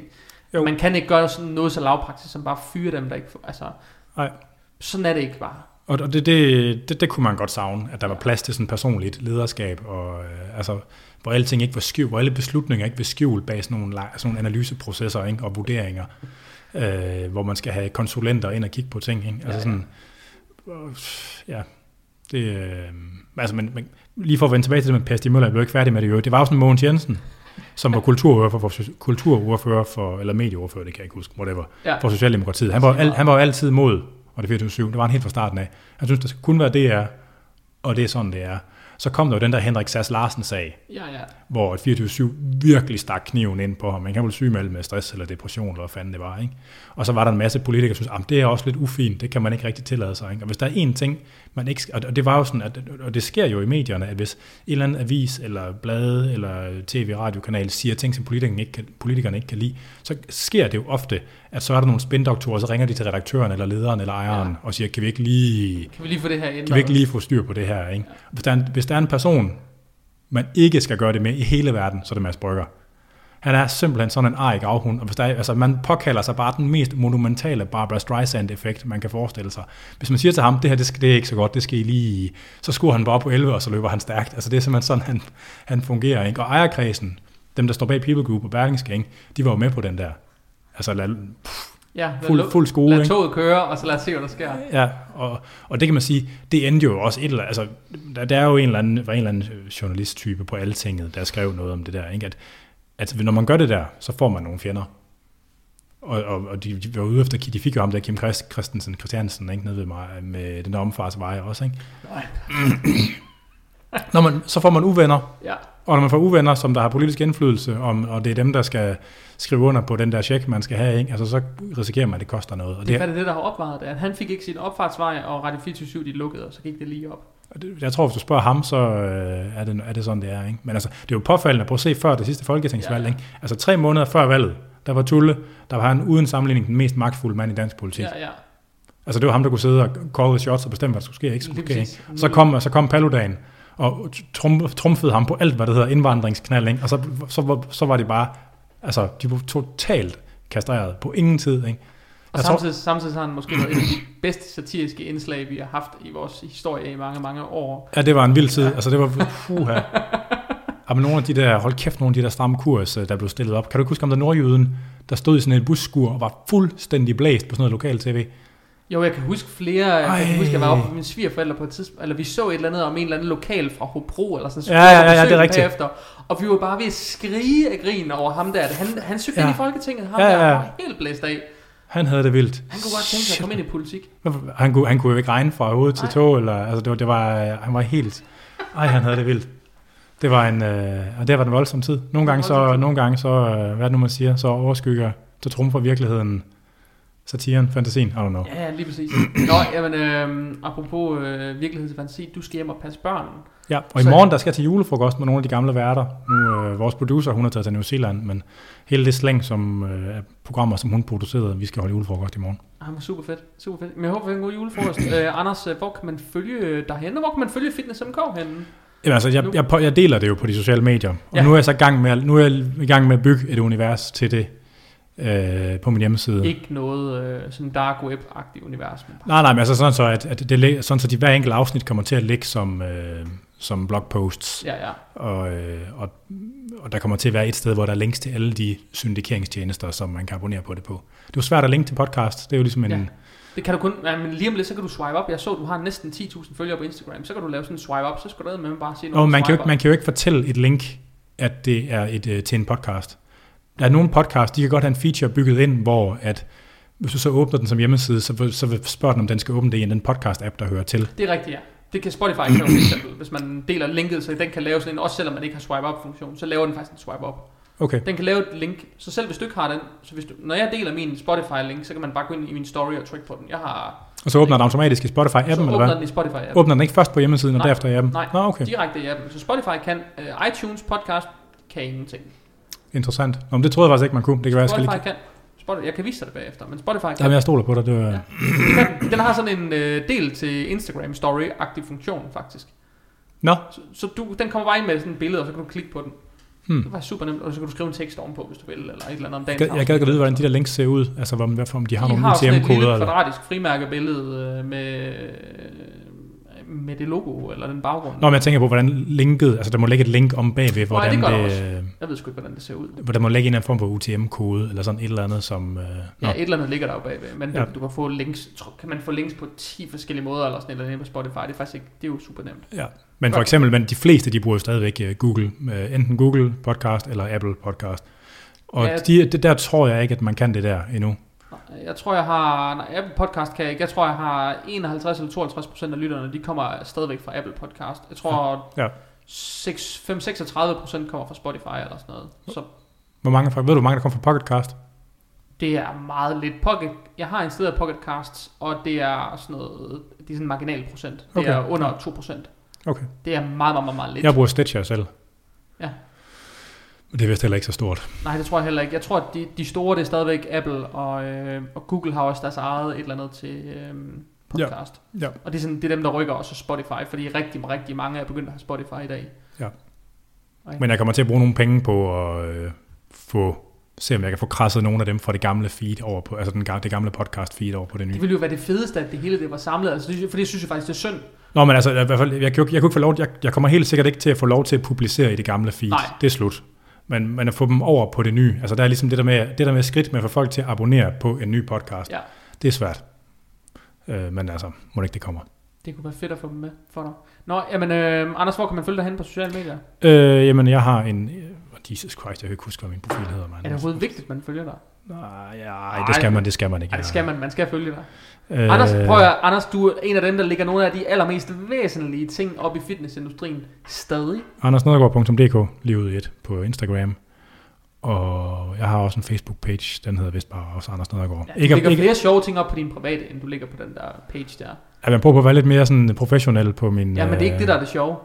Nej, Det er ikke, når du er professionel. Jamen, det er nok rigtigt nok, faktisk. Man Det, det er, ja. når, du, når, man bare sådan, når man bare sådan sidder med dig med en kop kaffe med slukkede mikrofoner, det er der, du er allerbedst, Anders. Det er det, du Ja. skulle lægge meget mere ud af. Ja. Det er det, der er allersjovest. Men det, det oplevede jeg faktisk rigtig tit på, som, altså på 24-7, når man har folk inde. Altså det, at det er sådan tit, man har den, ej, jeg vil fandme ønske, der var noget, der var tændt nu, så man kunne. Ja. Men altså, sådan er det. Det er, også, det er derfor, kameraet altid kører, inden vi begynder at optage podcasten. Det er, Ja. hvis der er nogle sjove fraklip, så har vi dem stadigvæk. Ja, det er også, øh, det er også en god vane i sovekammeret. eller, eller. Jamen, øh, jeg tror, at det, er, øh, det, det bliver de sidste ord. Tusind, tusind tak, fordi I lyttede med. Husk at abonnere på øh, Fitness Fitness Unplugged, hvis I gerne vil høre mere af det her. Husk at sende ønsker, hvis I gerne vil have forskellige gæster med, så skal jeg nok forsøge at hive fat i dem. Vi arbejder på nogle nye navne her til, øh, til efter jul. Og husk at følge mig på Instagram, Bajers Christensen og Jakob Christensen, personlig træner og coach, ind på, øh, ind på Facebook. Og så øh, er det tak for nu. Tusind tak, fordi I lyttede med, og tak fordi I så med. Og så, det, så ses vi igen i næste afsnit. Booyah.